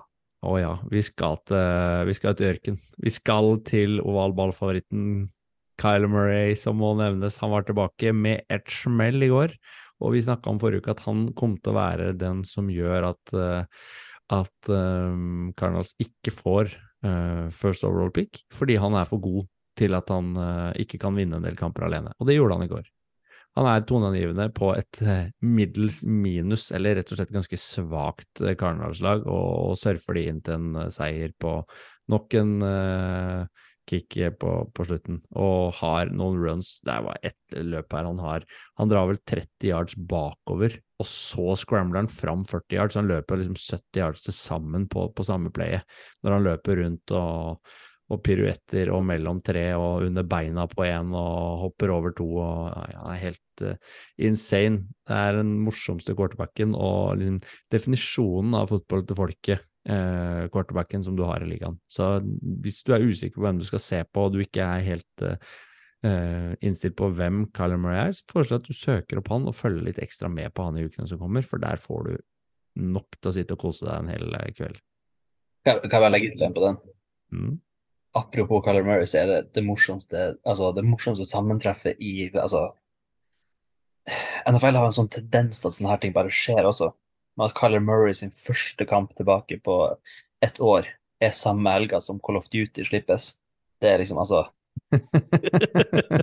Altså, det, det, altså, det, kan, det kan ikke skrive Altså, NFL-manuset har truffet spikeren på hodet der. Ja, det er fint. Uh, tror du han spilte det? Det, det, det går ikke an. Jeg, jeg, altså For Han har sikkert vært med og utvikla det, vet du. Han har jo hatt tid til overs. Han har sikkert spilt beta-versjon, men eh, for nye lyttere så er altså Color Murray og Call of Duty det er en ting du bare må google. For der har det vært så mye Det er ikke om kontroverser altså, hva man, Det er ikke så langt unna si, at Call men, of Duty er nevnt i kontrakten hans. Kan vi si det sånn. Nei. Det er riktig. Ja. Han har brukt mer tid på det enn han har brukt på viss playbook, eh, går jo ryktene på i alle fall. Og så klart, Hvis han faktisk har sittet i helga og spilt Call of Duty før og ladet opp til match, så er jo det bare å hylle det og på en måte at uh, går ut og banker et eh, ganske trist uh, Falcons-lag. Jepp. Arthur Smith. Det er en trist affære altså. Takk. Tok barten, men det hjalp Skulle tatt mer, si. Jepp. Satt hele hodet. Men jeg føler jeg må liksom hoppe oss videre, for vi har jo i introen vår så har vi jo Kyler Murray som kaster ballen, en Hail Mhm. Mary, til en viss eh, Mhm. DeAndre Hopkins. Og han er på min tredjeplass. For i en nitrist kamp, apropos, eh, mellom Tennessee Titans Sterkt å ha med den på lista her, den kampen. Noe fra den. Ja, ja, Jeg vet hvor du skal nå. Du vet hvor du skal, ja, og Tampa Bay Buccaneers, så eh, greier ikke Tennessee Titans å gjøre noe som helst. Will Levis eh, viser jo at han ikke er kanskje like god som han trodde. Eh, Bucks og Baker Mayfield surfer inn den seieren. Men det er én situasjon i den kampen som jeg beit meg merke, det var Will Levis som prøvde å nå DeAndre Hopkins i endzone. Eh, men så går Buck, det er en Bucks-forsvarer som ikke husker hvem var, går inn og tar den ballen som en interceptions. Men så virker det som om Hopkins bare det skjer et eller annet mer, og tenker ja, men herregud, dette kan jo ikke gå. Så han da går plutselig inn som en sånn cornerback-forsvarer, greier å få armen imellom og greier å slå ut den interceptionen i endzone, og hindre da at uh, Bucks eh, vinner ballen. Eh, og det var så imponerende å se. Altså Han er både god offensivt og som forsvarer. Eh, så det er bare synd at han spiller i Titans. Men det var en sånn hyllest av, av Hopkins i en helt enig med deg, helt nitrist kamp som ikke vi trenger å si noe mer om. Han fortjener det, for han har vært snakka om som død og begrava. Men Ja. undervurdert, det eh, receiver. han har vært supergod i, i, i Titans, hvis det går an å si det, ut fra et eh, lag som ikke kan spille. Forutsetningene han spilte i Du kan plukke ut nesten hvilket som helst annet lag, så hadde han fått gjort mer ut av seg. Ja, ja, ja. Eh, Kanskje utenom Jets Og Bears. ja. og Giants. Eh, vi går til andreplassen, eh, og det er jo eh, Josh Dobbs. Bare på alle måter. Spiller sin første hjemmekamp for Vikings. Eh, man kan si liksom, Vi har prata om at ah, det er så vanskelig å være quarterback. Ikke så jævla vanskelig, egentlig. Se på Josh Dobbs. Bli sendt over, levere fra dag én. Skjønne hvordan det skal gjøres. Ja, gjør feil, men altså, hallo. Kan løpe, kan kaste, det går bra. Kommer til stadion, vet ikke hvor garderoben er. Så det er en video hvor han da blir vist fram i heisen hvor han skal gå på, på Vikings stadion. Eh, hadde jo et intervju før kampen hvor han da sa at han hadde blitt lova av Gann i Cardinals at han ikke skulle bli trada. Og så fikk han da en telefon fra agenten sin om at han var trader, så han ble bare liksom kasta på dør. Så han var litt eh, sur og bitter på Arizona på måten de hadde behandla han på. Men bare den historien og Vikings som nå har fått en quarterback som både kan løpe og kaste, eh, og et lag som plutselig ser ut som at de kan gå til, til playoff. Så det er bare en sånn hyllest av, av, det Vikings-laget som, litt sånn som Texans. Er kanskje, det er de to lagene der som er de der to gullkalvene i NFL akkurat nå. Kjempegøy å se på, og bare Man kan ikke unngå å ikke heie på det, sånn som situasjonen er. Eh, og drar inn da en eh, seier til, til Vikings etter å ha bare knust sent i starten, så surfer de bare inn og, vinner den kampen eh, ganske komfortabelt. Og så førsteplassen. Ja, skal jeg gjette hvor du skal? Ja, det skal du få lov til. Ja, du skal vel til noen som sparker en ball? Oi, Oi, oi, ja, ja, ja, ja. Så det er Colts Patriots, da.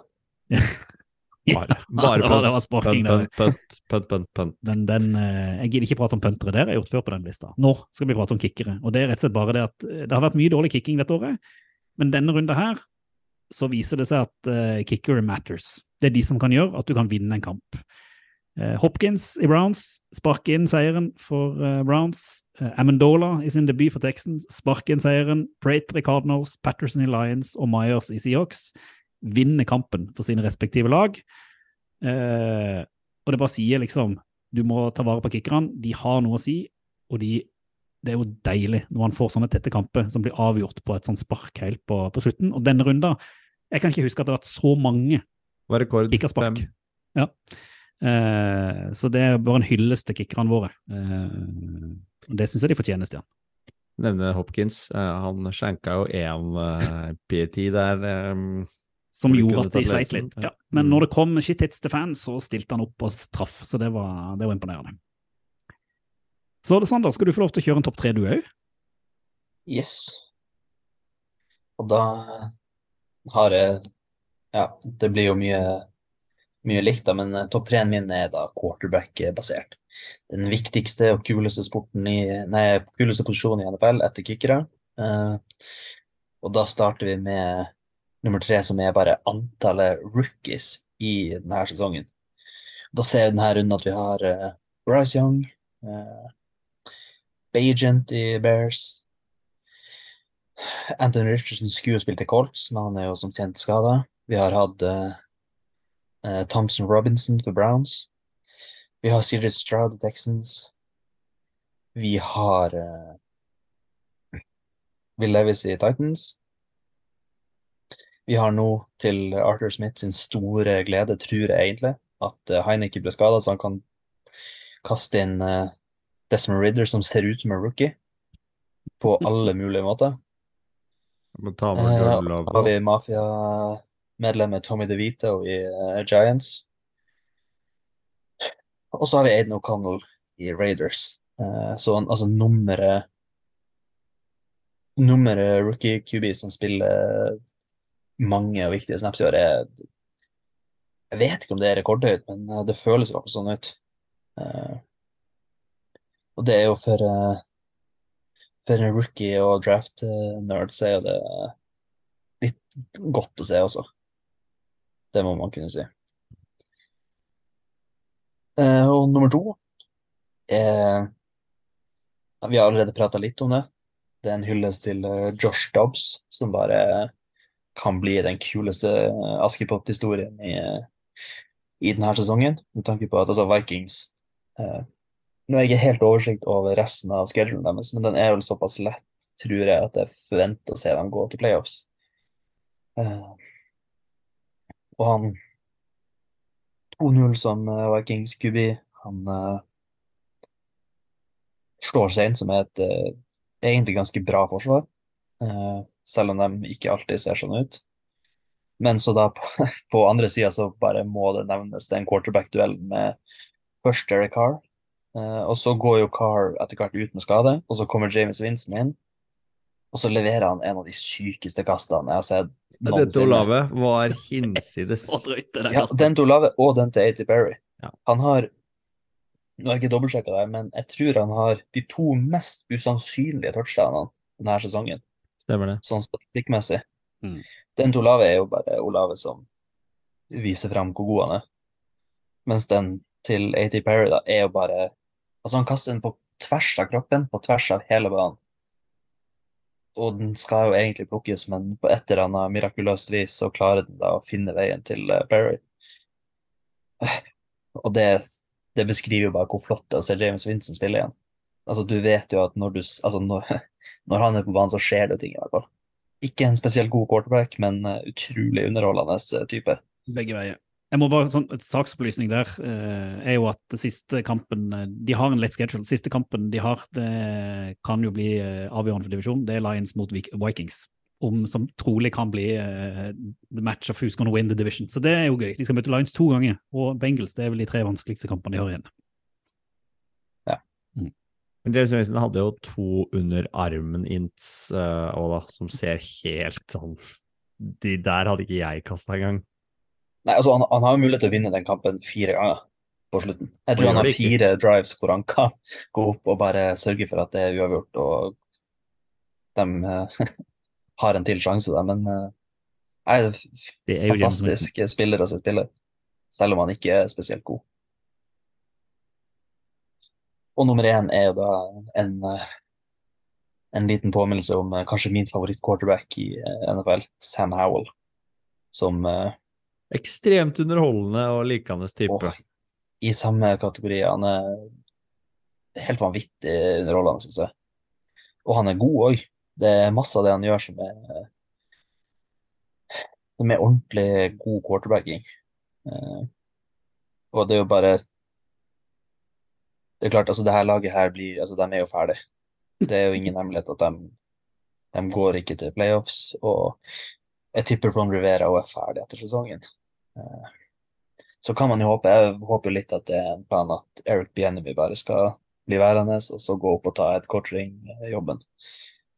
Så får vi se hva det blir til uansett. Men jeg føler Sam Howell har virkelig steppa opp og vist at han, eh, han fortjener å bli satsa på som, eh, som QB1 i det laget. Hvis ikke jeg tar feil, så er han den som har mest pass passing yards i hele NFL. Ja, han leder har mest passing. Mm. Kult. Da Hvor mange, oppi, hvor mange seks er han oppe i nå? Ja, han er jo oppe i rekordhøyt antall seks. Det er vel snakk om Er han på 50 allerede? Han, det er 97 som er rekorden, tror jeg. Broren til Nei, nei, det, nei, nei, 97 er det han er antatt å få hvis han fortsetter. Men det var vel etter week 8, tror jeg. Jeg tror han har blitt litt bedre. Hva het han? Det er for det er broren til Derek Carr som har rekorden. Ja, men jeg tror den er bare på noe av 70. 60, kanskje. For det er snakk om at hvis han fortsetter sånn som han gjorde de første åtte ukene, så kommer han til å bare smadre den rekorden. Eh, vi finner det ut etter en liten pause. Da skal vi presentere en liten overraskelse for deg, Sander. Surprise, surprise!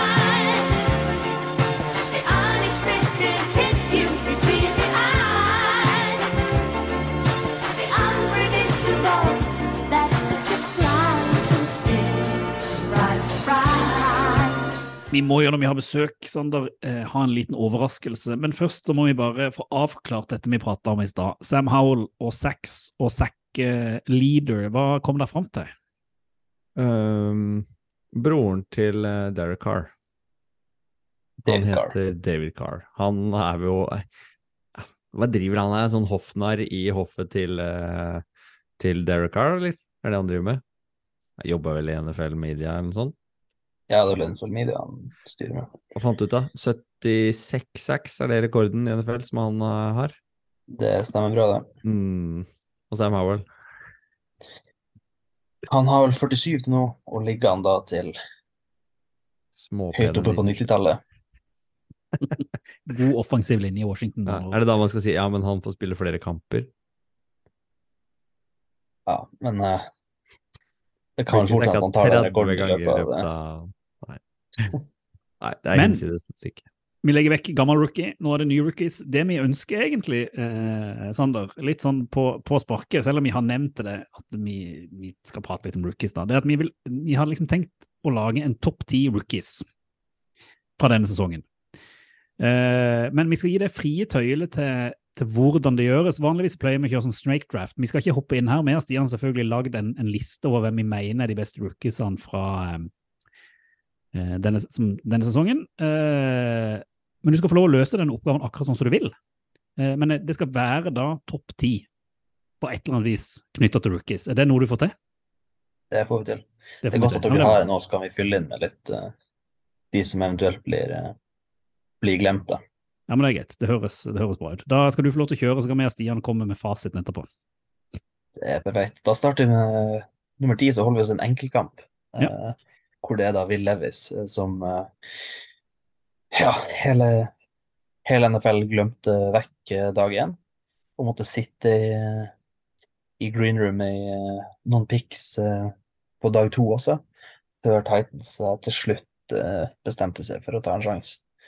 Og første matchen hans, da, så var han jo Så fikk han jo vist at det var en kjempetabbe at han ikke gikk i runde én.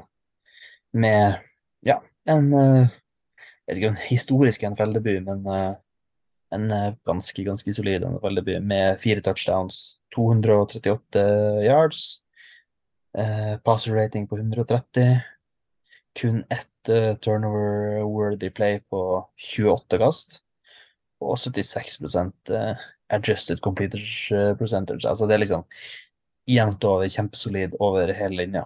Uh, Da var han god. Han møtte jo ikke all verden sine motstandere, men uh, det skal jo Don't- fortsatt sies at han var Don't ruin the narrative. Han fortjener fortsatt en hyllest, da. Ja. Uh, så- har det jo gått litt uh, Jeg trenger ikke å si hvordan det har gått etterpå, men eh, jeg, jeg, jeg, tror, jeg tror det kommer til å gå veldig fint der. Eh, han ser eh, Han ser ut som et veldig bra valg, rett og slett. Mm. Så hvis vi går videre til ni, da, Da kan du hoppe til ni. da velger jeg å kalle den uh, Når i tvil, gå O-line. Og uh, vil Er trekke det, frem da- er det et velkjent ordtak? Ja, det blir det fra nå av. Uh, Det skal vi Så huske. for, for engelske lyttere så kan vi si 'when in doubt, go O-line'. Så vet vi at det når, når frem. Uh, nei, men da er det altså Stort sett de uh, offensive linjespillerne som har blitt valgt i år, de har sett bra ut, eller vært, uh, vært gode, trygge valg, da. Uh, fra kanskje den, den som kanskje har vært best i år, er jo Davon Jones. Gigantisk right tackle i, i Cleveland Browns. Man var litt, var litt, litt spent på kanskje før, før sesongen, eller inn mot draften, med tanke på at størrelsen hans er, er som den er, da. Um, Det var tvil om bevegeligheten hans, ikke? Hvor Ja, altså- litt den der klassiske at når du er så stor som han er, da, så er det så er det en sånn naturlig Kan han komme liksom dypt nok? Kan han faktisk overleve i NFL? da? Eh, For det har vi jo sett at uh, Det har vi sett at det, det, det er liksom vanskelig å Det er ikke så mange av han, da. Eh, Selv om han ofte drafter da, eh, ikke sant, fysiske rammer og potensial og sånn, så er det også begrensende på liksom hvor Altså, én plass stopper jo på en måte hva som antakeligvis blir å funke. Eh, men ikke sant, etter han så har du jo eh, Peter Skoronski i Titans, Price Johnson i Cardinals, eh, Rams som hadde veldig få valg. De traff eh, Ser ut som de traff homerun på Steve Avila. Eh, Broderick Jones denne helga så helt insane ut. Så uh, Daniel Jeremiah var ute og tvitra at uh, det var et homerun-valg etter den kampen mot Packers. Og så har du jo Osiris Torrance i Bills, Matthew Bergeron i Falcons og Anton Harrison i Jaguars. De ser alle ut som de kommer til å være stødige, fine starters. Alle tatt i løpet av de to første rundene i draften. Eh, Daniel Wright glemte vel å si. Men eh, selv om noen kanskje er uenig med at Bears tok han på niendevalget, så så har han også vist seg altså han, er, han kommer nok også til å være en ganske bra, bra offensiv linjespiller. Kommer til å stå der lenge. Da skal vi huske det ordtaket. Da eh, kan vi hoppe til plass åtte. Plass åtte, det er eh, rett og slett litt selvskryt. Tuli Toipoluto sa det hele veien inn mot draften. Hvor lenge har du øvd på å si navnet hans? Ja, det er lenge. Jeg sto tre timer før vi begynte nå. I tilfelle han kom opp, så måtte jeg være liksom forberedt på å treffe det. Eh, nei, men han var, han var min spiller nummer 31 eh, i vår. Han ble først eh, valgt som valg 55. Og han leder alle rookies i seks med syv. Eh, han eh, 30 pressures helt i toppen. Han uh, har vært en kjempespiller på defensiv linje til, uh, til Chargers. Og han kommer til uh, Kommer bare til å bli bedre og bedre, naturligvis. Så han fortjener, fortjener all hyllesten han, han kan få, da. Der er jeg helt enig med deg. Han har vært en av de som har liksom stått ut for meg av de defensive rookiesene. Eh, prøvd å få han med på alle lister sånn vi har, jeg får det ikke til, vet du. Men nå har jeg, har jeg det i ryggen, så det er bra. Da er vi to. Ja, han har vært, han har vært kjempegod. Jeg synes også han, snak, han snakkes litt, litt lite om, men det er jo klart, altså Khalil Mack har vært god i år, og Joey Bosa spiller på linja der, så han er jo han er litt lett å glemme, og han får jo sikkert litt eh, Det er klart at det er jo ikke, det er jo ikke ulempe å spille på en linje med, med de to, men eh, han spiller bra. Han Mm. er kjempe, kjempevalg. Og da kan man jo, altså, bare i bisetninga til den, så er det jo litt i samme som O-line, at det er mye defensive linjespillere som har funka, da. Eh, blir det å ta opp en etter hvert. Liksom? Bill Anderson har vært god, Nick Herbig, Miles Murphy eh, i Bengals har begynt å se bra ut siste uken. Baron Young i Rams, enda et Rams-valg som de klarte å treffe på. Eh, og ikke minst eh, en annen favoritt av meg, Kalijah Kansi, har sett eh, ja, helt ekstreme ut de siste to ukene. Så Men de når ikke opp til Tuli Torpoluto. Det kan jeg forstå. Da blir det en Er det sjuende er på nå, eller sjette? Nå har jeg mista tellinga. Nå er vi på syv, er ikke det riktig? Jo, Jeg ber læreren om hjelp eh, om, eh, mens læreren presenterer. Da er vi på syv. Og da er det en, eh, en spiller og et lag vi har snakka om allerede. Jamir Gibbs og egentlig hele draft-classen til Lions. Eh, kan jeg egentlig skrive kanskje eller si at eh, det er Gibbs pluss eh, Sam Laporta. For de to har begge to sett ut som en million. Eh, og så har de truffet da på Brian Branch og Jack Campbell også. Eh, I en, det som kanskje i utgangspunktet var en litt svak, eh, svak draft, sånn talentmessig, så har de liksom løst det bra, da, selv om mange var uenige i at de tok, tok en running back så tidlig som de gjorde. Så kan man jo si at akkurat nå så ser det ut som de treffer treff godt på strategien hennes. Eh, og Gibbs eh, Ja, han eh, Herregud, for en artig spiller å se på. De var ganske tidlig ute og bare mm, Vi rangerer han bare høyt, vi. Så litt den samme måten som vi snakka om i stad, på måten de kjører opp uh, Fort and et eller annet med med den selvtilliten. På samme måte så var det inne i draften nå også bare Vi skal ha det vi skal ha, og det var ikke snakk om å, å nøle eller være, være usikre på hva de hadde tenkt å ta. da. Ja, og der sa jo Brad, eh, GM-en Brad Holmes så at uh, vanligvis vil du ha liksom Så vil du kanskje ikke ta han så høyt, da, men de hadde, de hadde 14 spillere i draften i år, de hadde en første runde grade på. Og da blir det litt som det blir når de uh, Ja, når valgene kommer og de plutselig har ja, På tolvtevalget kanskje de har tre spillere de, eh, de har eh, vurdert gode nok til å ta i runde én. Eh, Mm. Ja, for Det er lett å kritisere de un un under draft, men når du ser hvordan de har gjort det, så er det jo på en måte de, det er home run. Ja, de har truffet på alle sammen. Alle Ja. har vært gode starter. Altså, Sam Laporta har jo vært et kjempefunn. Han har vært, uh, ja, vært en uh, topp fem tight end i NFL. Uh, Og Der var er de absurd, valgte jo eh, han foran eh, en del andre som han trodde var rangert høyere. Så eh, de, de Ja, han gikk vel for eksempel foran eh, Michael Mayer, som Mm, var liksom Mm.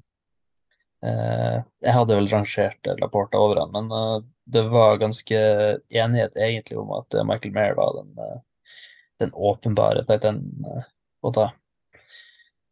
Da må vi gå videre til nummer seks, sånn at vi blir ferdig før natta kommer, iallfall, tror jeg. Ja, og da d- Må ikke bli sur nå, men jeg har kalt den, kalt den neste for eh, Kan vi slutte å drafte kickers før runde seks?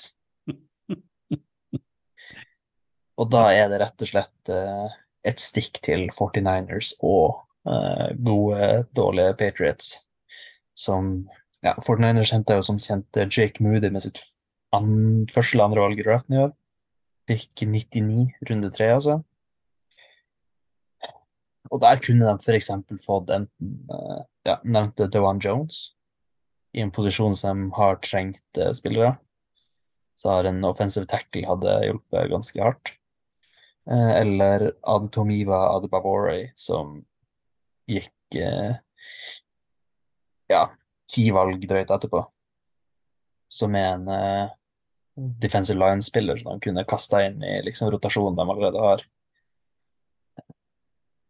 Mens Patriots trenger jo egentlig alt. Der har du f.eks. både Nick Herbig og uh, senter i Seahawks uh, som gikk betydelig etter de tok opp uh, Henta Chad, Chad Ryland uh, på uh, 112-valget. Og da er ikke sant, vi, du, du hylla dem i stad på topp tre, men ikke sant, alle de kick, jeg tror alle de kickerne du sa der, har gått enten undrafted eller sjette-syvende runde i, i draften. Ja, Du ser jo Dallas, som har henta kanskje den beste kickeren i ligaen, og gammel fotballspiller, gikk jo inn undrafted, så du har helt rett. Kickere betyr noe, men jeg tror ikke du trenger hente det i draften. Kunne henta Mendola 49ers, og så hadde de hatt en kicker som de hadde klart seg helt fint med. Sikkert vunnet et par av de kampene de har tapt òg, fordi de har bomma og ikke takla presset. Så- De, de kunne jo omsatt bare kasta inn en til running back på det valget der, og bare hatt liksom litt mer å altså, Enda mer dybde, ja. Jeg er enig. Eh, det eneste man kan si om, eh, om Jake Moody, er at han ligner litt på han uh, headcoachen i uh, Friday Night Lights TV-serien. Ja, det- Tenk på det når du sitter og ser match eh, til helga. Og bare siste kontekst. altså Chad Ryland har jo vært det verste valget, på en måte. Det var verre altså, enn Drake Moody òg. Ja, mye verre. Altså PFF-ranken hans er nummer 36 denne sesongen. Ja, altså, Blant, kick, altså blant kickere, naturligvis. Men Patriots er jo bare i sitt takk og farvel til på alle måter, sånn som det er. Ja. Nummer fem. Nummer fem, Puka Nakua. Da tror jeg, jeg vet ikke om vi trenger å si så mye mer. Nei, Han det er fullstendig hyllest. Ja, Bare hyllest. Ja, helt topp. Og at de treffer, altså at de finner han og treffer på han. Altså det, nei, bare parasat. Nydelig. Nydelig spiller. Rams sin draft, med andre ord. Eh, Bare hylle foreløpig. Og nummer fire, da. Det er en, eh, en favoritt eh, her og på alle, i alle hjem, tror jeg. Bishan Robinson. Alle hjem. Den er sterk. Og altså bare, bare, se, altså bare se han spille, og, bare, og, så, og, så, og så bruker de han ikke. Altså Arthur Smith bare har et uh, behov for å liksom markere at han er et geni og en fyr som skjønner noe ingen andre skjønner, uh, og bare skal liksom ikke gi han ballen. Uh, Det går jo ikke så bra for Arthur. fikk han jo ballen i red zone nær runden, og da ble det jo en touchdown. Som ja, det løpet der hvem som helst andre kunne sagt. Ben Johnson til eh, Falcons neste sesong, eller? Åh, Åh, det hadde vært fint. med en ny QB, ja, da begynner det å ligne. Altså, vi snakker liksom altså sånn, altså han, har, han, har, han har vel 125 tror jeg, rushing attempts i år. Og det er altså færre enn Alexander Mattisen og Zack Moss. Og det Ja, det er vondt. Det, for alle som har måttet sett en Falcons-kamp eller to, så det er vondt å se hvordan han bare blir Misbruk. Og da har vi ikke kommet inn på engang at du har Drake London og Kyle Pitts som også bare Burde det vært Pitts skal- mulig å få noe mer ut av de. Jeg tenker altså når Johnny Smith er liksom uh, hovedvåpenet på et end i Falcons, og ikke Kyle Pitts, så er det, det er noe de ikke, de ikke får helt til der. Og nå tapte de mot Cardinals, så jeg tror kanskje Smith har sin siste sesong i Falcons, sånn som situasjonen er nå. Ja. Vi får se. Da hopper vi fra Bijan til Til eh, nummer tre? som eh, oh, kalte Devin Witherspoon, og vi kan sette Christian Gonzales i parentes, uh, for han var så god frem til han ble skada at han bare f får en liten, en liten shout-out. Eh, altså, og Devin, Widderspoon Witherspoon har vært, har vært kjempegod, for all del, men hovedgrunnen til at han havner på tredjeplass her, er en, et sitat, rett og slett. Eh, som jeg skal ta meg tid til bare eh, lese opp eh, høyt. Og det var da etter kampen mot eh, Browns, er det vel snakk om? Jeg tror det er etter kampen. Så får han spørsmål om skaden til Deshaun Watson, og da svarer han at I guess the doctors over there in Cleveland, Cleveland told him he can't play, and he's finally taking no for an answer. Er fullstendig hyllest av Devon. Å, det, det er vår spiller. Uh, vi har jo ikke akkurat skryta mye av Duchon. Uh, uh, den var fin. Jeg kommer jo aldri til å gjøre heller. Han var, kan si så mye at han var ikke dårlig i helga, men eh, Nei, jeg syns uh, Witherspoon bare han eh, traff spikeren på hodet. Ja, han, eh, han sender han hjem, rett og slett. Jepp. Og nummer to er bare en oh my god, Jalen Carter. Uh, han er vel nå, hvis jeg ikke tar helt feil, den høyest rangerte uh, interior defensive lineman-spilleren uh, hos PFF.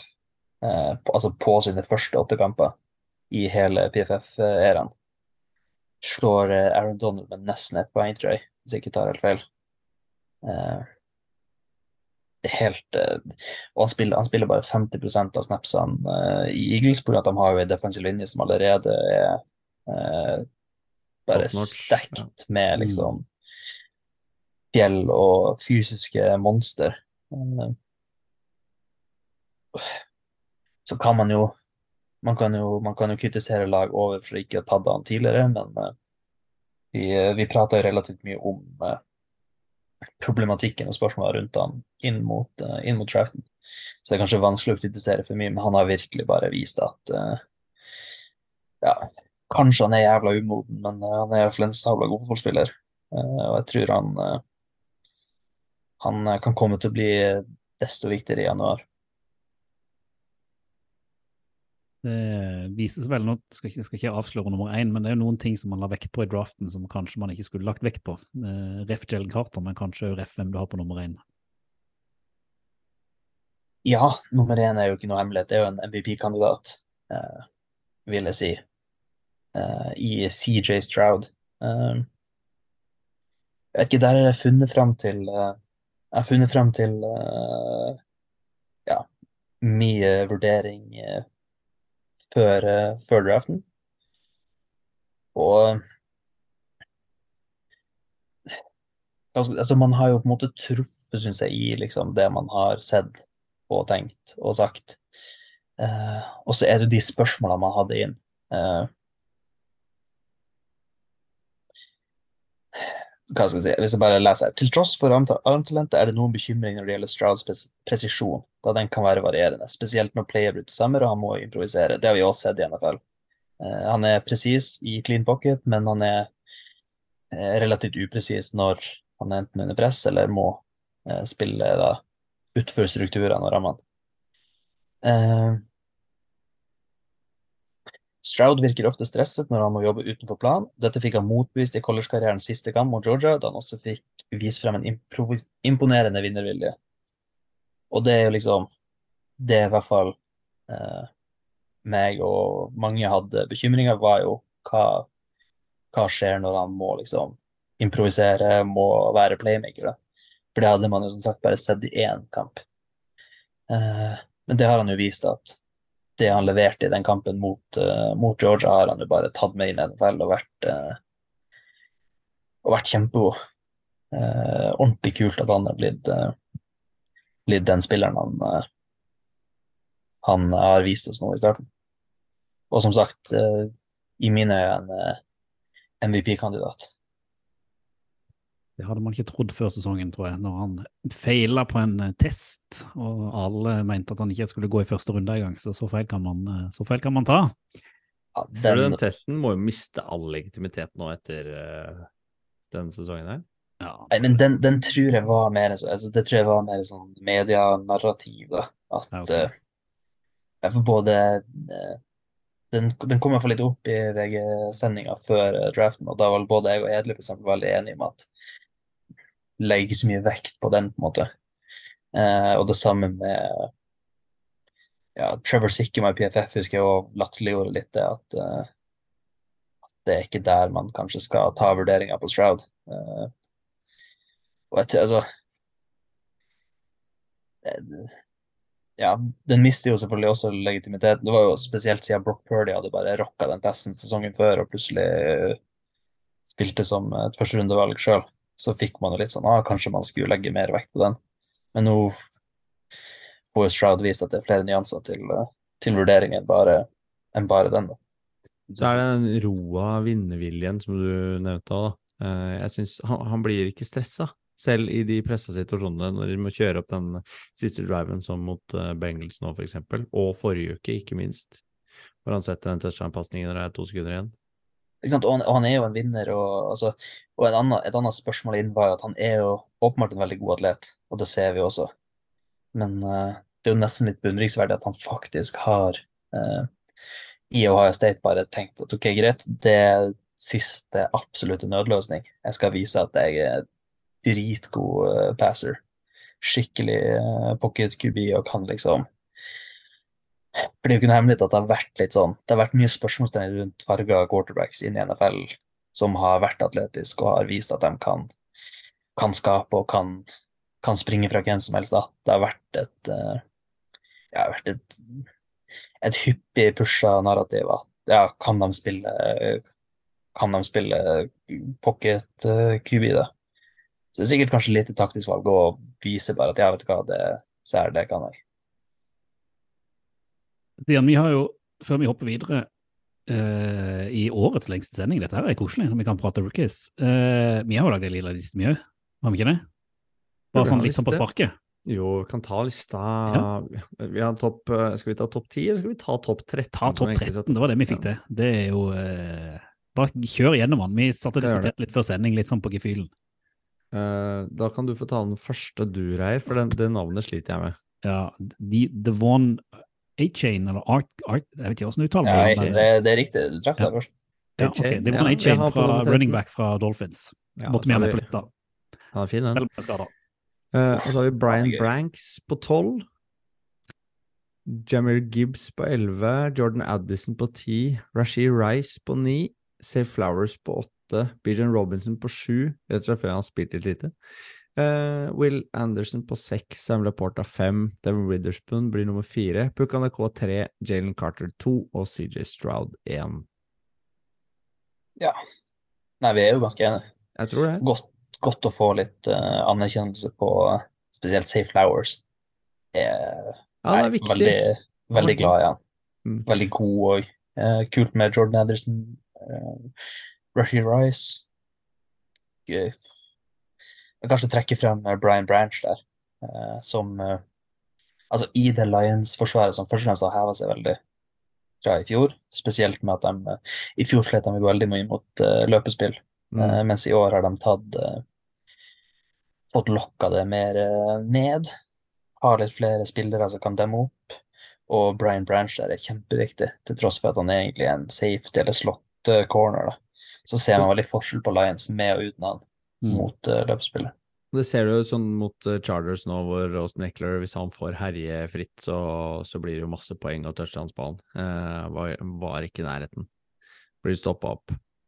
Starter bra, Eckler, og så blir han eh, demma veldig godt opp eh, av det Lions-forsvaret, hvor de har kanskje tatt grep om det de, det de måtte gjøre for å være helt i toppen.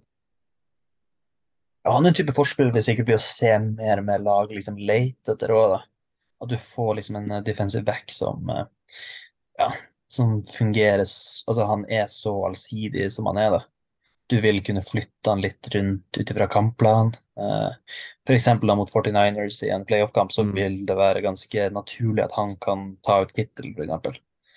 Men jeg vil Eh, også se, det er vanskelig å finne de spillerne, da, fordi du trenger egentlig å se de på, mer på trening, se de mer i kamp og se hvor de kan brukes og hvem de matches opp med, sånn både fysisk, men også i eh, litt avhengig av hvem du spiller mot og det schemet du møter, da. Ja, altså det, og det er kjemperisikabel, eh, eller kjempevanskelig greie å se etter òg, fordi at ja, du har for eksempel eh, Cardinals følte nok sikkert at de gjorde det det året de drafta altså Simmons uh, topp ti, Mm. og så bare viser seg at ok, det ble for komplisert for han. Uh, det han hadde gått av, hadde jo vært å bare Her er din posisjon, sånn her skal du spille, og så kunne liksom lete litt og lekt litt med den tanken der, da. Eh, og det ble jo total fiasko. Han var jo ikke god noen plasser, egentlig. Men det er jo gjerne ble... de, de trenerne som skal overkomplisere det. Hvis du tar Arthur Smith som et eksempel, da, som tror han er eh, ja, han gjør litt mye rare valg da, med hvordan han setter opp f.eks. offensivt offensivmannskapet sitt, og hvordan han skal bruke de våpnene han egentlig har til rådighet. Så noen ganger så må du gjøre det enklest mulig, eh, og bruke spillerne der de er eh, sterkest og, og best. Og Brann Branks har jo fått stå nettopp der hvor han er god, og de har ikke gjort det vanskeligere enn det. Ja, altså, han virker litt villig også til å kunne liksom spille litt i den stjernerolla. altså, hvis han får en beskjed om at ja, ok, i dag så er det din jobb, altså vi blir bruker det mye man på tight end, Så det som han er veldig mottakelig til å kunne gjøre det. Mens du hadde f.eks. Mika Fitzpatrick i Dolphins endte jo opp med å bli trada til Steelers fordi at han ikke ville være den spilleren. Han var mye mer komfortabel med at han ville ha sin rolle, som han s- spilte relativt fast i. da. Mm. Selvfølgelig er det jo NFL-spillere, så de, de vil jo kunne liksom eh, regulere og tilpasse seg litt. Men uh, jeg tror for mange så føles det trygt å bare sånn OK, du er, du er safety. Du er free safety. Der bruker vi deg. Så eh, jeg er absolutt eh, funn for, eh, for Lions. Skulle gjerne fortsatt denne diskusjonen i en time til, så kunne vi hatt eh, safety-spalten i oval ball. Men eh, jeg tror vi, vi skal hoppe litt videre. Men til alle der ute som er enig eller uenig med oss og Sander, vi tar gjerne mot deres topp eh, tre, topp fem eh, rookies eh, på oval ball pod. Om det da er på DM eller ute i offentligheten, eller send gjerne til oss på kontakt.ovalball.no, så skal vi dele det i vår eh, neste sending. Det er det beste jeg har hørt. Dette er gøy. Det der, det er fett. Oval ball anbefaler. Ingen ovalball uten en anbefaling. Og denne gangen, Stian, så har du gått til internettet. Jeg har gått inn til dette, og dette er jo egentlig en velkjent eh, nettside, tror jeg, for, eh, for alle mm, som ikke er rookies. Men det er verdt å nevne uansett. Vi burde sikkert gjort det for eh, alskens uker, kanskje et par år siden, til og med. Ourlads.com. Kjenner du til den, Sander? Det høres kjent ut, men eh, nei, ikke egentlig. Det er egentlig mye av det samme som PFF står for, bare at den er litt eh, lettere og mindre mm, komplisert satt opp, nettsiden. Eh, den, er, den reklamerer med å være den siden som var tidligst ute med å bruke dataprosessert eh, verktøy for å finne stats på spillere, og er Mm, som PFF har ansatte scouter som eh, mm, er også ser se på treninger, og ikke bare, ikke bare baserer seg på data og skjermtitting. Og har vel vært i gang siden tidlig 80-tall med nettopp dette her. Det var en av de første som var tidlig ute. Uh, det er jo egentlig Our Lads NFL Scouting Services det står for, eller som det heter da, og Our Lad er da en henvisning til uh, det irske uttrykket Our Lad, altså vår bror, uh, hvis man oversetter det fritt eh, til norsk. Eh, hvor du det irsk, finner det? Hmm? Er det irsk? Jeg er usikker. Fant jeg ikke ut av. Det blir vel opprinnelig òg. Mm. Er det irsk det er det britisk? Jeg er litt usikker. Eh, men de har både liksom solid eh, draftstoff, men også rangering eh, knytta til NFL og spillere, rooster, depth charge. Fin å ha ved siden av hvis du sitter og ser NFL-kamper på TV. Hvis du skal ha litt oversikt over spillerne du, du ser på. Og kan man jo trekke frem for eksempel for eksempel Dave Syvertsen, som heter, som hadde lagt ut en 96, eh, topp 96 eh, draft-liste. Hvor du får litt sånn innsyn i hvilke spillere du kunne ønska deg til eh, å se etter når du skal sitte og mock-drafte og leke deg før, eh, før sesongen som kommer. Så ourlads.com, sjekk det ut. Eh, det kan jo legges til at flere NFL-klubber eller franchises bruker den siden også som, som informasjonsdatabase. Skal du se på? Hva skal du se på? Rundens utvalgte. Week 10 er ferdig.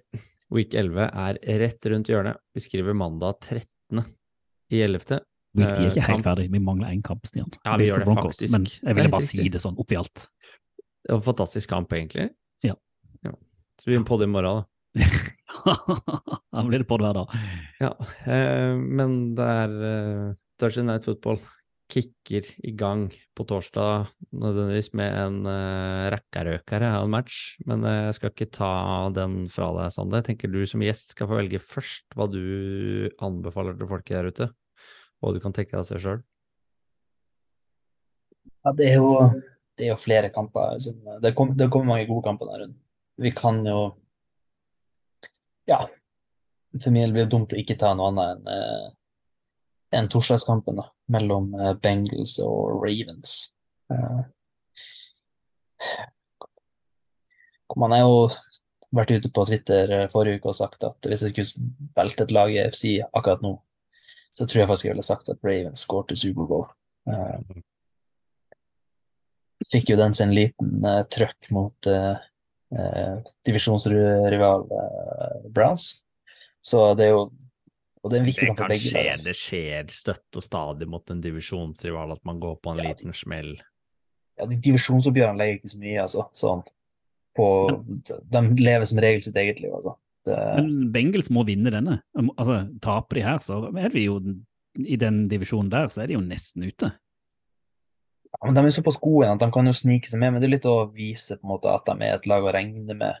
Og på en Ja. måte at eh, Klart hvis det, altså, etter å ha blitt, blitt satt på plass av et lag som Texans, så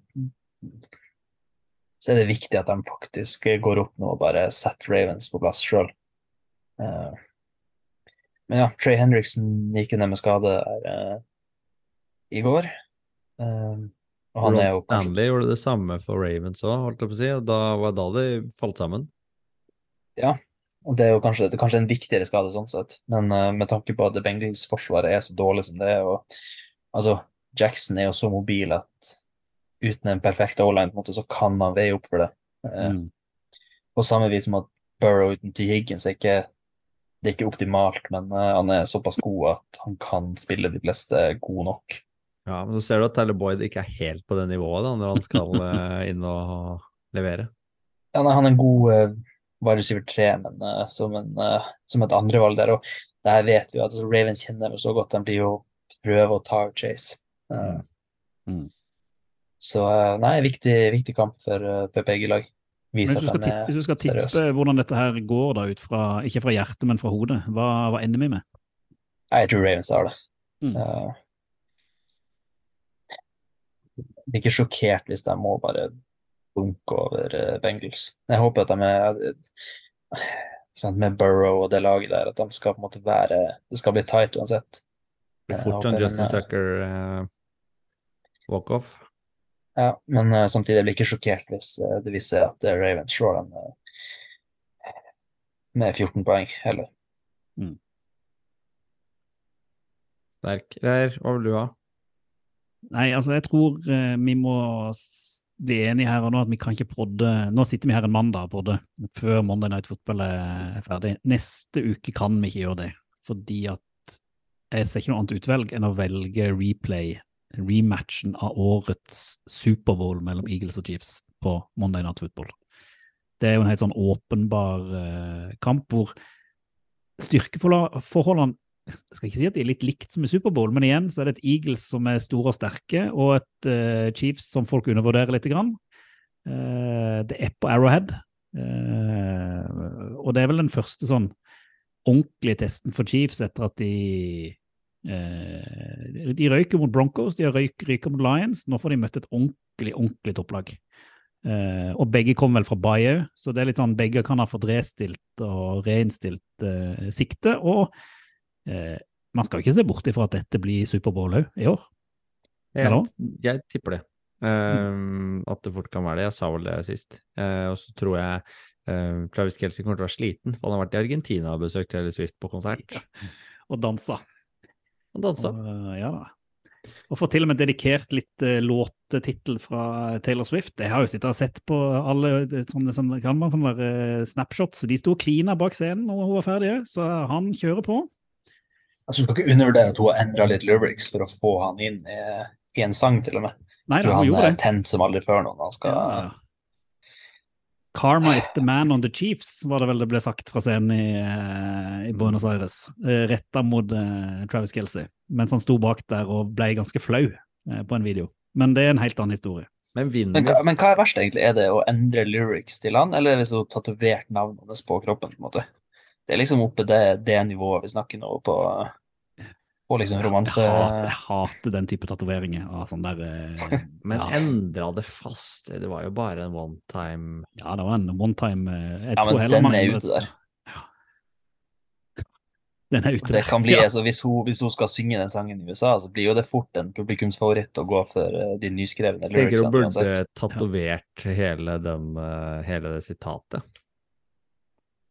Men nå syns jeg dere vi mister litt fokus på Nå er vi snart oppe i to timer, så nå eh, sier jeg vel bare at jeg tror at Chiefs tar denne, siden de spiller hjemme, og eh, Eagles får seg en smekk på lanken, men eh, jeg tipper vel at Eagles er ganske oddsfavoritter, om ikke jeg tar feil. Jeg tipper de har sånn trepoengsmargin eller noe sånt som status er. Jeg tror det. Kansas Ja. hjemme pleier vel å være Ja, det er kanskje sant, det. Jeg vet ikke, jeg skulle egentlig si at jeg tror Eagles vinner, men eh, det er jo et poeng at det er på Arrowhead. Så det er uansett en kamp å få med seg. Ja, virkelig. skal sitte virkelig. oppe og se han eh, live. Ellers er han godt i opptak tidlig på morgenen. Du da, Stian, hva skal du se når helgen kommer? Når helgen kommer, så skal jeg benke meg tidlig søndag. Uh... Jet Spills, da. Nei. Jeg tror ikke det blir det, gitt. Jeg tror rett og slett jeg skal se en Jeg skal kose meg med en quarterback-duell. I Houston. Jeg skal se Callum Murray spille mot Cedar Stroud. For da har du liksom jeg, jeg mener jo at Callum Murray er like underholdende som hele Texans-laget. Så det skal jeg kose meg med. Uh, Texans kommer til å vinne den kampen, men Callum Murray kommer ikke til å gi seg uten kamp. Jeg, vet- de er, jeg syns, jeg syns Cardinals er godt coacha, altså. De, Jeg eh, syns også det står de, seg bra det laget der skal være mye dårligere enn uh... enn det resultatet tilsier, og hvor jevnt de har spilt i mange av de kampene de har vært uh, involvert i. Husk på at Callum Murray spiller jo for fremtida si også. Hvis han går ut med å tape Ja, hvor mange kamper de har igjen? Hvis han taper eh, syv av åtte kamper, så, så er det fort at han han er ferdig der. Ja, for da tar det en QB i draften. Så hvis han greier å holde de unna topp tre, liksom, så, eh, så Jeg er kan det ikke mulig. skjønne at de skal trade bort han, det er jo så dust. Det går ikke. Men, eh, men det får være. Men det blir uansett underholdende å se de to mot hverandre i den matchupen på, på, på søndag, tror jeg. Før vi melder av i dag, så har vi jo en eh, fraværende Bailey Zappi-kandidat. Eh, Mac Jones, eh, mennesket vårt Kenneth eh, Carlsen. Og siden du er hans eh, mye bedre eh, erstatter, eh, Sander, så skal du få lov til å velge hva han skal se når han dukker opp her neste uke. Vi har slutta å bake inn fornærmelsene nå. Det bare jeg sitter her i to timer snart, så nå slenger jeg det rett på skjermen. Jeg er så sliten i hodet. Covid har tatt knekken på meg. Jeg må si det er så sterkere på fag, men eh, svakere på trivsel. Så bygger vi han litt opp her. Jeg vet ikke om jeg er enig i det, eller? Er er ja, han er god på sånn crossfit, det skal han få. Nei, men eh, vi gir han, vi gir han en kjempekamp. Eh, Ja. Divisjonsoppgjør i, eh, i ekte New York. New York Jets at Buffalo dit, Bills. Eh, og en fun fact der er vel faktisk at Zack Wilson har vel vunnet der altså har vel slått Bills i både 2022 og 2023, tror jeg. Ja. Som er helt utrolig når man ser han spille. Eh, Ja, de slo jo Bills i første kampen i år, de, er det sant det? Eh, Når Ja. Rogers mista, mista akillesen sin, magisk, Så nå er magisk Rogers tilbake. sprang inn med det amerikanske flagget eller hva det Ja. var, og tok én snap, og så ute Ja, det er sant, det er jo Bills har jo litt rematch å gjøre her òg. Vi får se, da. Den, eh, de heksedoktorene har funka. Det ryktes jo han er tilbake igjen eh, i løpet av en måned. Så det er klart, hvis Zack Wilson klarer å trylle til seg en seier her, så er det jo Kanskje han klarer å holde Jets relevant. Jeg gjør ikke det nå. Gjør ikke det, vet du. Nå er det Nei, jeg tror heller ikke det. Takk for oss. De, eh, Zack Wilson. Jeg var det bare tull. Det bare å gi seg. Ovalball. Fotball til folket. Jeg tror vi nesten setter sånn ny rekord nå. nå tror jeg, vi nesten, jeg tror ikke det blir to timer, men det er ikke langt ifra. Og sånn er det når vi har gode vikarer, Stian. Da bruker vi tid på det. ja, men han, vil ja. ikke, han vil ikke si, du vil ikke si noe engang. Du, bare, du er helt ute. Jeg? Ja? Hørte du det? Nei? Det var bra. Jeg kom borti noen lydgreier her. Det var derfor jeg ble Ja, satt og stirra på meg. Jeg jeg rydde ingenting. Jeg prøver å Eh, skryte av Sander, så er det bare stille. Det er jo du Eh, alltid et dårlig tegn. eh, Ja, nå er han så inne i varmen at nå skal vi begynne å tyne han litt, da. Det, det, sant. det kan vi ta og gjøre. Nei, nydelig. Det er kjempefint å ha deg, Sander. Uh, vi trenger eh, litt mer nerds uh, på plass enn det vi rekker å være. Og du Men- uh, mm? Men jeg må bare si jeg er litt skuffa over én ting, Sander. Vi starta dagen med en litt sånn deilig sinne retta mot politikere, Bjørnar Moxnes. Ja, men jeg synes det, det, det, bare forsvant. Det har vært lite sinne i løpet av de to timene vi sitter her nå. Ja, men det er sånn klassisk sånn avledning. Sant? Jeg kjenner jo til fra skolen, eh, Stian. At uh, man er litt sint og frustrert, og så plutselig så bare drar noen opp noe morsomt. Uh, får en tegneblyant og noen spennende leker, så er det liksom Da er det sinnet borte, og det bare fokuserer på det lysbetonte og Ja. Så det skjedde jo her òg, da. Mm, det, det er det jeg driver med på jobb hele tiden. Det, er, det alt går ut på, er å avlede fra det som er um, problemet. Vi har realitetene. Mhm. Nei, men det var, det var stas. Vi må jo få det tilbake når det både nærmer seg playoff og når det nærmer seg draft og, og alt. Eh, Det blir jo før det. Det blir jo før det. Jeg kommer sikkert til å være borte neste Bare uke. uker. likevel. Ja, ja, ja. Ukes Neste uke. ja. Avtalte vi egentlig avtalte jo egentlig 30, så gikk det 14 dager før, eh, før det faktisk skjedde, så det var Det er ikke galt. var- Nei, det er ikke galt. Det funker. Altså, det er jo utrolig nok eh, ting som skjer her også, imellom eh, øldrikking og, eh, og NFL. Så Men eh, vi får til vet, det. Vi får vi til det. vet på en måte ikke hvordan det ser ut neste uke. Det kan ikke vi si nå. Det kan Nei, men det plutselig nå- være altså, Det kan jo være at det blir som Island, så plutselig så revner hele jorda i to, og så tuter det lava opp fra, fra bunnen. Det altså Livet skjer på alle måter. Nå runder vi jo to timer i dag, så tenker jeg en sånn 24-timers episode, det blir naturlig målsetning videre. I løpet av sesongen, ja. Ja. Opptakten til Superbowl eller noe sånt. Ja, rundt juleprogrammet kanskje er fint. Og På julaften er det vel noe greier. jeg har litt, jeg har 24 timer åpning der, faktisk. Så Ja. Perfekt den 24. Før ambisjonene tar å spise oss opp og vi blir sendt inn på sånn der lukka klinikk alle sammen, så sier jeg rett og slett bare takk for nå, gutter. Det var veldig stas. Vi prates igjen. det gjør vi. Og football til folket. Football til folket. Utball til folket. Do the Titans have a miracle left in them in what has been a magical season to this point? If they do, they need it now. Christie kicks it high and short. Going to be fielded by Lorenzo Neal at the 25. Yeah, give it Pitches to- it, back to Wycheck. He throws it across the field to Dyson. He's got something. 30, He's got something. 50. He's got it. 40, He's got it. 20, 10. He's got it. five, End zone. Touchdown Titans. There are no flags on the field. It's a miracle. Tennessee has pulled a.